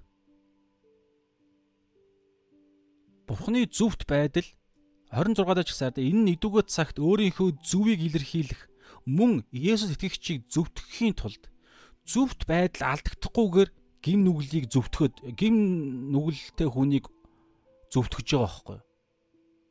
Зөвхт байдал шудраг осыг тогтоонго гим нүгэлтнийг уучилж байгаа. Энэ хоёр зэрэг хийгдэх ямар ч боломжгүй байхгүй. Гэтэл бурхан энийг хийж чадсан загалмай дээр нийтэд ил ил болгосон. И шоу болгож ил болгож ингэж загалмай дээр ингэж модонд үлгсэн энэ үйл явдал чинь энэ хоёр имийг зэрэг хийж байгаа. За тэгэхээр энэ загалмай үйл шүү дээ хоёр талтай ойлголт байгаа юм. Нэгдүгээрт бурхан руу хандсан нэг ойлголт. Тэр нь энэ дээр хараа учир нь өөрийнхөө зүвийг илэрхийлэхийн тулд түүний цуснд итгэх итгэлээр дамжуулан бурхан түүнийг за түрүүний ярьсан дээр propitiation гэдэг одоо би арай яг миний бодлоор миний бодлооч биш Steve Lawson докторын бас хэлж байгаа санаагаар бас Монгол юун дээр ч гэсэн толин дээр ч гэсэн угаасаа тэр perpetuation гэдэг харахаар тайвшруул гэдэг үг байгаа байхгүй эвлэрүүлэхээс илүүгээр тайвшруулал ялгаатай байхгүй одоо яг ялгааг нь би тэнд харуулъя түүний цуснд итгэлээ дамжуулан бурхан түүнийг тайвшруулал гэж эсвэл ханамж гэж нийтэд харуулв. За ингээд ирэхээр юу гэж байгаа вэ гэхээр за би 25-ыг эхлээс нь хамт уншаад байгаа. Урд нь урд нь үйлдэгдсэн нүглүүдийг бурхан дэвчж өнгөрөөсөн учраас өөрийнхөө зүвийг илэрхийлэхийн тулд түүний цуснд итгэлээр дамжуулан бурхан түүнийг Есүсийг тайвшруулал ханамж гэж нийтэд харуулв. Энэ нь идүүгөө цагт өөрийнхөө зүвийг илэрхийлэх мөн Есүс итгэгчийг зөвтгөхийн тулд тэгэхээр хараа тайвшруулал зөвтгөл гэдэг энэ хоёр ойлголт байна.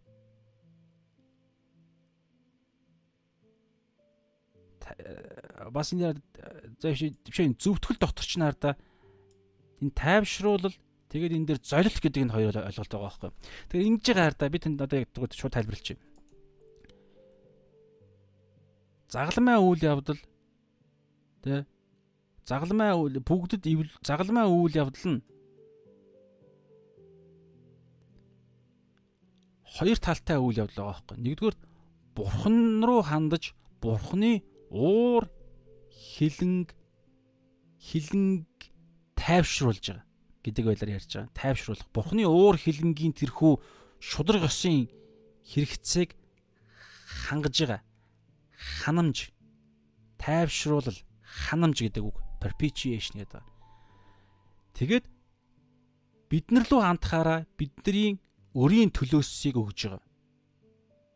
Тэгэхээр загламын үйл явдал Нэгдүгээрт бидний өрийг төлж байгаа. Хоёрдугаарт бас аа Бурхны уур хилэнг тайвшруулж байгаа, намдааж байгаа. Бурхны уур хилэнг өөр дээрээ авж байгаа гэсэн санаа ба Иесус.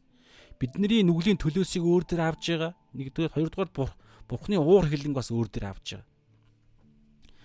Тэгэхээр шударгаас тогтож байгаа гэсэн үг байхгүй? Тэг бас бидний нүгэл уушлагдчихж байгаа. Энэ маш нарийн ойлголт. За Бурхны уур хилэн за энийг яриад энэ ихэд ингээд өндөрлж байгаа шүү. За энэ хитгэн ойлголт яриа өндөрлөө. Бурхны уур хилэнг хангасан. За одоо нөгөө ишлэгийг би нөгөө нэг гоё ишлэгээд байгаа ш одоо уншия. 2 дугаар Коринт 5-ын 21 мөн үү? Аа тий 26 гэдсэн 21. Би энэ юу 26? 21 шүү дээ. За ингэж байгаа.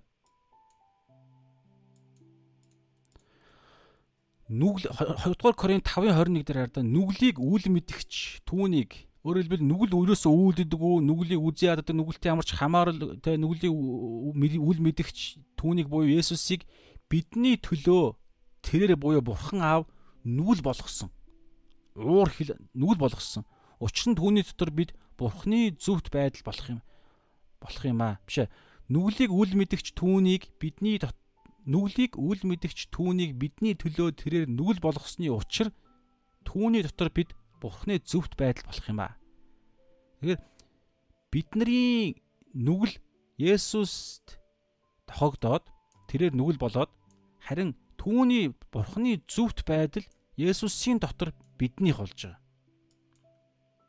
Биднийх болж байгаа. Тэнгэрлэг солилцоо гэдэг чинь. Өөрөөр хэлбэл Есүс бидний өмнөөс нүгэл болчихж байгаа. Тэгээд ирэхээр Ром 1:18-аас 18 дээр юу гэлээ? Ром 1:18 дээр үннийг зүв бусаар нуун дарагч хүмүүсийн альва итгэл сүсгүүд ба зүв бусын эсрэг бурхны уур хилэн тэнгэрээс ичлэгддэг. Тэгэхээр гим нүгэлтэй өөр олон ишл байгаа мэдээж гим нүгэлтэй хүний дээр бурхны уур хилэн байдаг. Тэгсэн чинь Есүс сая 2 дугаар Коринт 5:21 дээр юу гэлээ? Есүс бидний өмнөөс гим нүглийг авчиж байгаа юм нүглийг үл мэдгч түүнийг бидний төлөө тэрээр нүгэл болгосон. Есүс нүгэл болчихж байгаа. Бидний бидний нүгэл Есүс дээр яг бодиттойгоор тохогдож байгаа. Загалмай баасан гаригтай одоо дээгүр өнгөрхийн баасан гариг сайн баасан гариг гэж байгаа. Яг загалмай дээр Есүс үхэхээс 3 цагийн өмнө өдрийн 12-оос өдийн 12-оос өдрийн 3 цаг хүртэл 3 цагийн турш тэнгэр харанхуулдаг. Тэгээд Есүс хэлж байгаа. Эли эли лама сабахтааны Бурхан минь бурхан минь юунд та намайг орхив? Яагаад? яг бодиттой Есүс Есүс дээр бүх хүн төрлөختийн нүгэл бууж ирж байгаа. Тэгэхээр бурхан нүгэлтэй хамт байхгүй шүү дээ. Тэгэхээр Есүс өөрөө бурхан байсан. Гим нүгэлгүй байсан мөртлөө бузар муу хамгийн үзий яддаг зүйлс нь Есүс дээр тогтож байгаа байхгүй. Тэр 3 цагийн аль дунд л ямар нэгэн тийм юм тэнгэрлэг солилцоо явагдаж байгаа. Тэр үед Есүс яг сүнсээр тарчилж байгаа хөх хамгийн үгүй яддаг дургу зүйл нь зүйл нь тэр хүн өөрөө болж хөрж байгаа. Хэрвээ хүнд ийм их юм бол хүн баг амиа орлох. Аимшигтэй сэтгэлийн шаналл тамлал واخхой. Махбод дээрж тамлагдсан дээр нэмээс сүнс нь аимшигтэй тамлагдчихэ. Тэгэд бурхан аавч гэсэн түүнийг орхиж байгаа. Яг нүгэлтэй хамт байх боломжгүй. Бурхан тэгээ орхино гэдэг нь бурханы хайр таал нь орхигдоод оронд нь бурханы уур хилэн бууж ирж байгаа. Тийм учраас сая Матай Ром 3 дээр юу лээ? Бурхан түүнийг эвлэрүүлэл эсвэл тайвшруулал ханамж гэж нэт харуулв. Бурханы уур хилэн Есүс хүн төрөл Бурханы уур хилэн Есүс Бурханы уур хилэн Есүс өөр дээрээ аваад уур хилэнгийг хүртэх үед Бурхан тайвширж байгаа байхгүй. Тийм учраас хүн төрлөختнийг Бурхан уучлаад оронд нь хүүгээ уур хилэнгээ хүүдээр тохоож тохоож байгаа. Ингиж уур хил нь ханж байгаа хөөхгүй. Ингээд шударгаас ханж байгаа, шударгаас тогтож байгаа.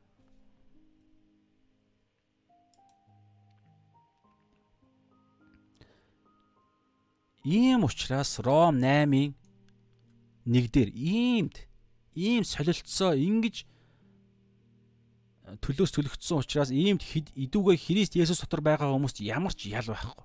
Бүх ял Есүс дээр тогтсон. Есүс бидний өмнөөс тамлагдсан учраас бидэнд ямар ч ял байхгүй гэж ярьж байгаа нь. Тэгээ Ром 8:15 дээр Тэгээд ингэснээрээ биднэрт Ром 8:15-ын ерөөл бууж байгаа. Дахин айдаст дахин айдаст хүргэх боолчлолын сүнсийг та нар хүлээн аваагүй харин үрчлэлийн сүнсийг хүлээн авсан. Түүгээр бид Аба буюу Аава гэж дууддаг. Өөрөөр хэлбэл Есүс бидний өмнөөс гим нүгэл бузармаа болоод харин Есүсийн хүүгийн хүүгийн тэрхүү төлөв байдал бид нар дээр одоо шилжилж байгаа буюу бид үрчлэгдэж байгаа. Ариун сүнсээр нь ариун сүнс биднэрт өгөгдөөд бид Бурхны охид хөгөөд болж байгаа. Ийм гайхалтай шин тэнгэрлэг одоо юу солилцоо хийгдэж байгаа. За энд нэг юм ойлголт байгаа. Бид овчгоо нэг юм яриад байгаа. Яагаад ингэж байгаа энэ энэний цаана нэг юм болчихж байгаа байхгүй юу?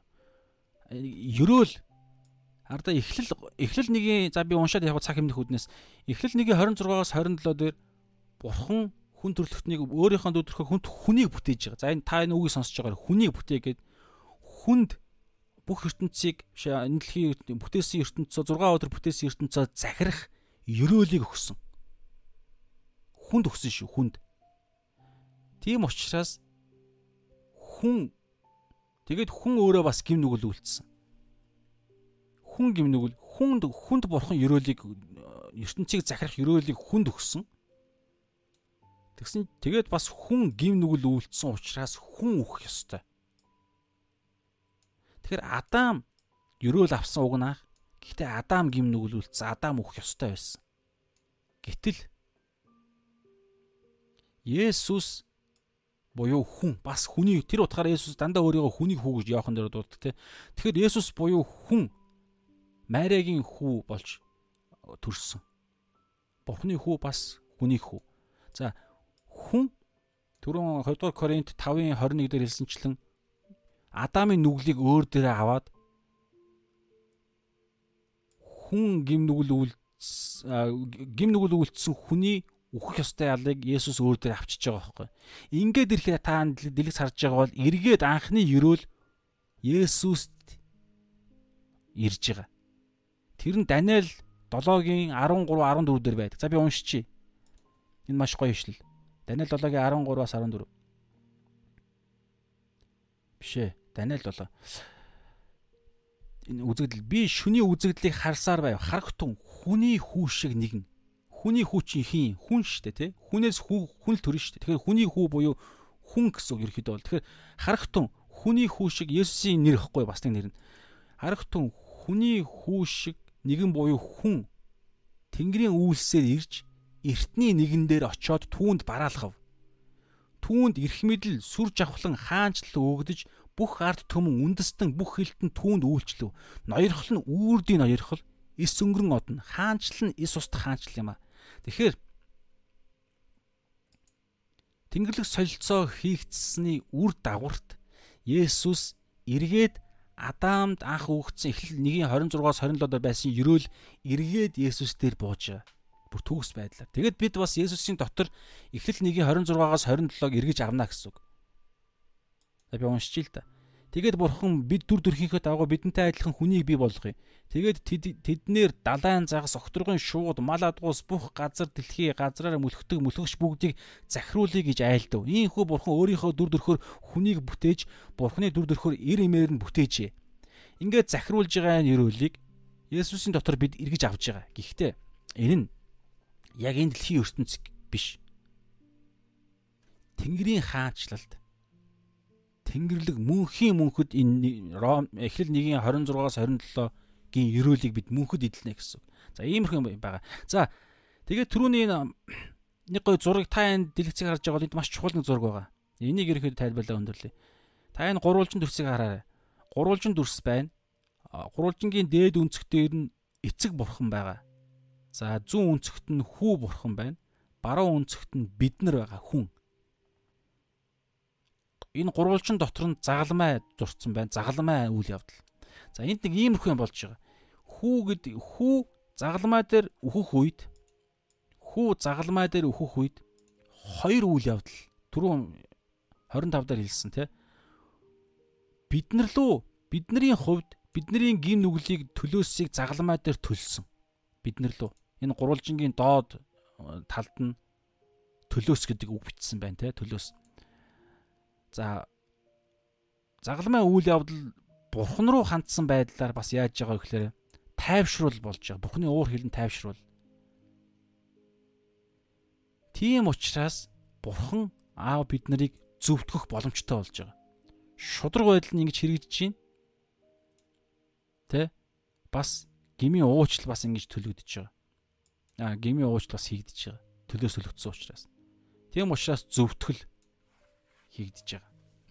Энэ маш чухал ойлголт. Энэ маш бодиттой сүнслэг байдал. Тэгэхээр эцэг бурхан ч гэсэн загалмай дээр өгсөн хүүгийнхаа тайвширлыг харсан учраас гин нүглийн тэ шудраг осыг нь хүүн тогтоосныг харж тарсан учраас тайвшруул тэ эвдрүүл хийгдсэн учраас биднийг зөвтгөж байгаа. За бид нар ч гэсэн Есүсийн загалмай дээр төлөөс төлөгдсөн учраас бид зөвтгөгдөж байгаа. За иймэрхүү ойлголт. Энэ бол сүнслэг бодит байдал. За За тэгээд ерөнхийдөө бол ингээд болчлоо гэж ойлгож байна. За тэгээд энэ төгсгөлийн нэг ганц ойлголт байна. 26 дээр энэ нь идүүгээ цагт өөрийнхөө зүвийг илэрхийлэх мөн Есүс итгэгчийг зөвтгөхийн тулд билээ. Энэ бол сүнслэг нууцнд байгаа байхгүй. Бурхны зөвхт шудраг байдал алдагдахгүй бүр илэрх биелэлээ олж байгаа мөртлөө яаж Есүс итгэгч гимт нүгэл гимт нүг гимт хүнийг зөвтгөж байгаа юм бэ? Өөрөөр хэлбэл гмийн шийтгэл төлөгдөөд төлөгдөнгөө төлөгдсөн мөртлөө бас гимтнийг яаж өршөөх юм?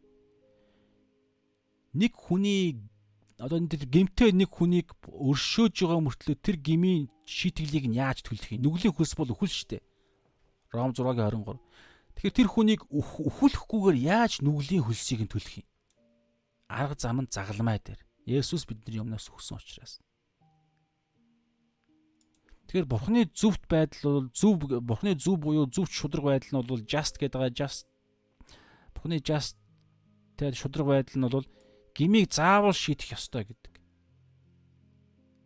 Тэгэхээр 26 дээр зөвхт шударгыг бурхан өөрийнхөө зөвхт шударгыг илэрхийлэх мөн Есүс итгэгчийг зөвтгөхийн тулд гэдэг энэ хоёр ойлголт чинь хоорондоо сөргөлдөх байхгүй. Гэтэл загалмай үйл явдал дээр энэ сөргөлдөхгүйгээр төгсөөр биелэгдэж байгаа. За энэ бол гайхалтай загалмай мэрэгүү ухаан, бурхны мэрэгүү ухаан гэж байгаа. Гэхдээ итгэгч биш хүмүүсүүд дэлхийн цэцэн мэрэгдүүд энийг харахаа мунх загалмай мунхаглал гэж ярьдаг. Ойлгодог. Тийм учраас итгэл нь хүүхчиг итгэлээр аврал яригддаг. За ерөөдөө ингээ өнөөдрийн хэсэг өндөрлөлөө. За тэгээд овчхон дүгнээ тэгээд өндөрлөё гэж бодлоо. За 8 бурхны зөвхт байдал бид нарт үнгүүгээр бэлэглэгдэж байгаа те үнгүүгээр бэлэглэгдэж байгаа.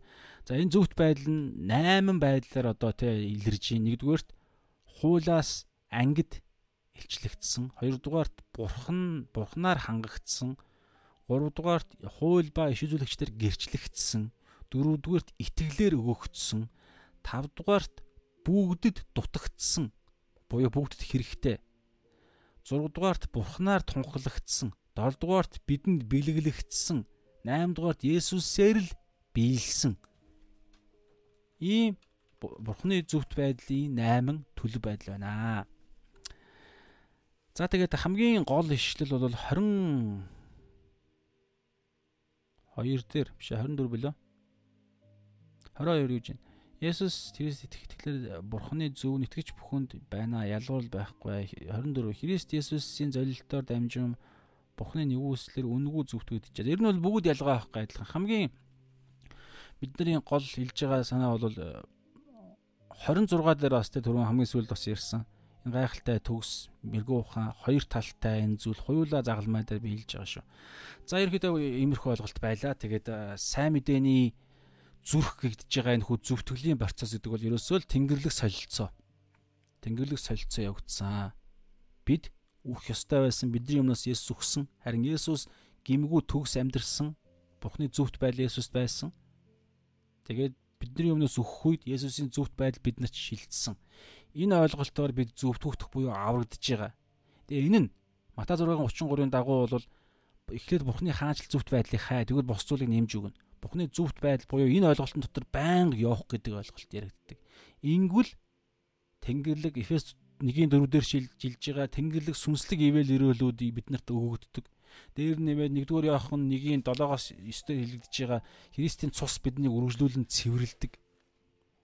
Бүх өрөөлүүд орж ирнэ. Тэгээ гол зүйл ерөөсөө л байнга Есүсийн энэ загалмайн зүвт байдал дотор өдөр болгон алхах гэдэг ойлголт. За залбираа өндөрлөө. Эзэн цагийн төлөө би талархаж чинь тэгээд маш чухал зүйлийг бид амарч байсан ард нь гарлаа. Тэгээд аа талархаж байна эзэн минь. Бид бол гимтэй. Тэр гимтэй бид бүгдийг та өршөөнгөө яаж бидний гмийг ялш би гмийг бас шийтгсэн бэ? Тэр нь та хүн болж ирснээр өөрийн цорын ганц хүүгээ бидний өмнөөс хүүлснээр бас өөрийнхөө хүүгийн зөвхт байдлыг биднэрт шилжүүлснээр энэ төгс зөвтгөлийн ажиллагаа хийгдсэн гэдгийг бид сарлаа. Тэгээд энэ үнэн дотор бид өдөр болгон алхна. Алхаж байж бид байнгын ивэл өрөөл, байнгын зөвтгөл, байнгын хангамж дотор явдаг гэдгийг бас сурлаа гэсэн юм. Байнга талархаж, байнга гимшиж, байнга Есүс Есүст алдрыг өргөж, байнга өөрөөр сайрахгүй зөвхөн сул дураа байл Есүсээр сайрахдаг. Бас Есүсийг эзнээ болгож Есүсийг хаанчлалын зорилгыг өөрийнхөө амьдралын зорилгоо болгох энэ бол дахин төрсөн хүний амьдрал шинэ амьдралын төлөв байл гэдгийг бид бас дахин саналаа. Тэгээд энэ амьдралаар маргааш ч гэсэн амьдрахад ариун сүнс та бидэнд тусалдаг учраас туслах учраас бас туслаараа хэмээн таньда даатхан талархан залбирлаа Есүсийн нэрээр аминь. За хамт ирсэн хүмүүстээ баярлалаа. 2 цаг 24 минут болжээ. Тэгээд. За ганц нэгэн юу комент уншиж тийм үү? Дуун сонсогдож байна уу гинэ. Надад сонсогдохгүй болчихлоо. Сонсогдож байна. За за. За хамт ирсэн хүмүүстээ баярлалаа. Сайхан амраарай. Дараагийн цагаар дахин уулзлаа. Баяр таа.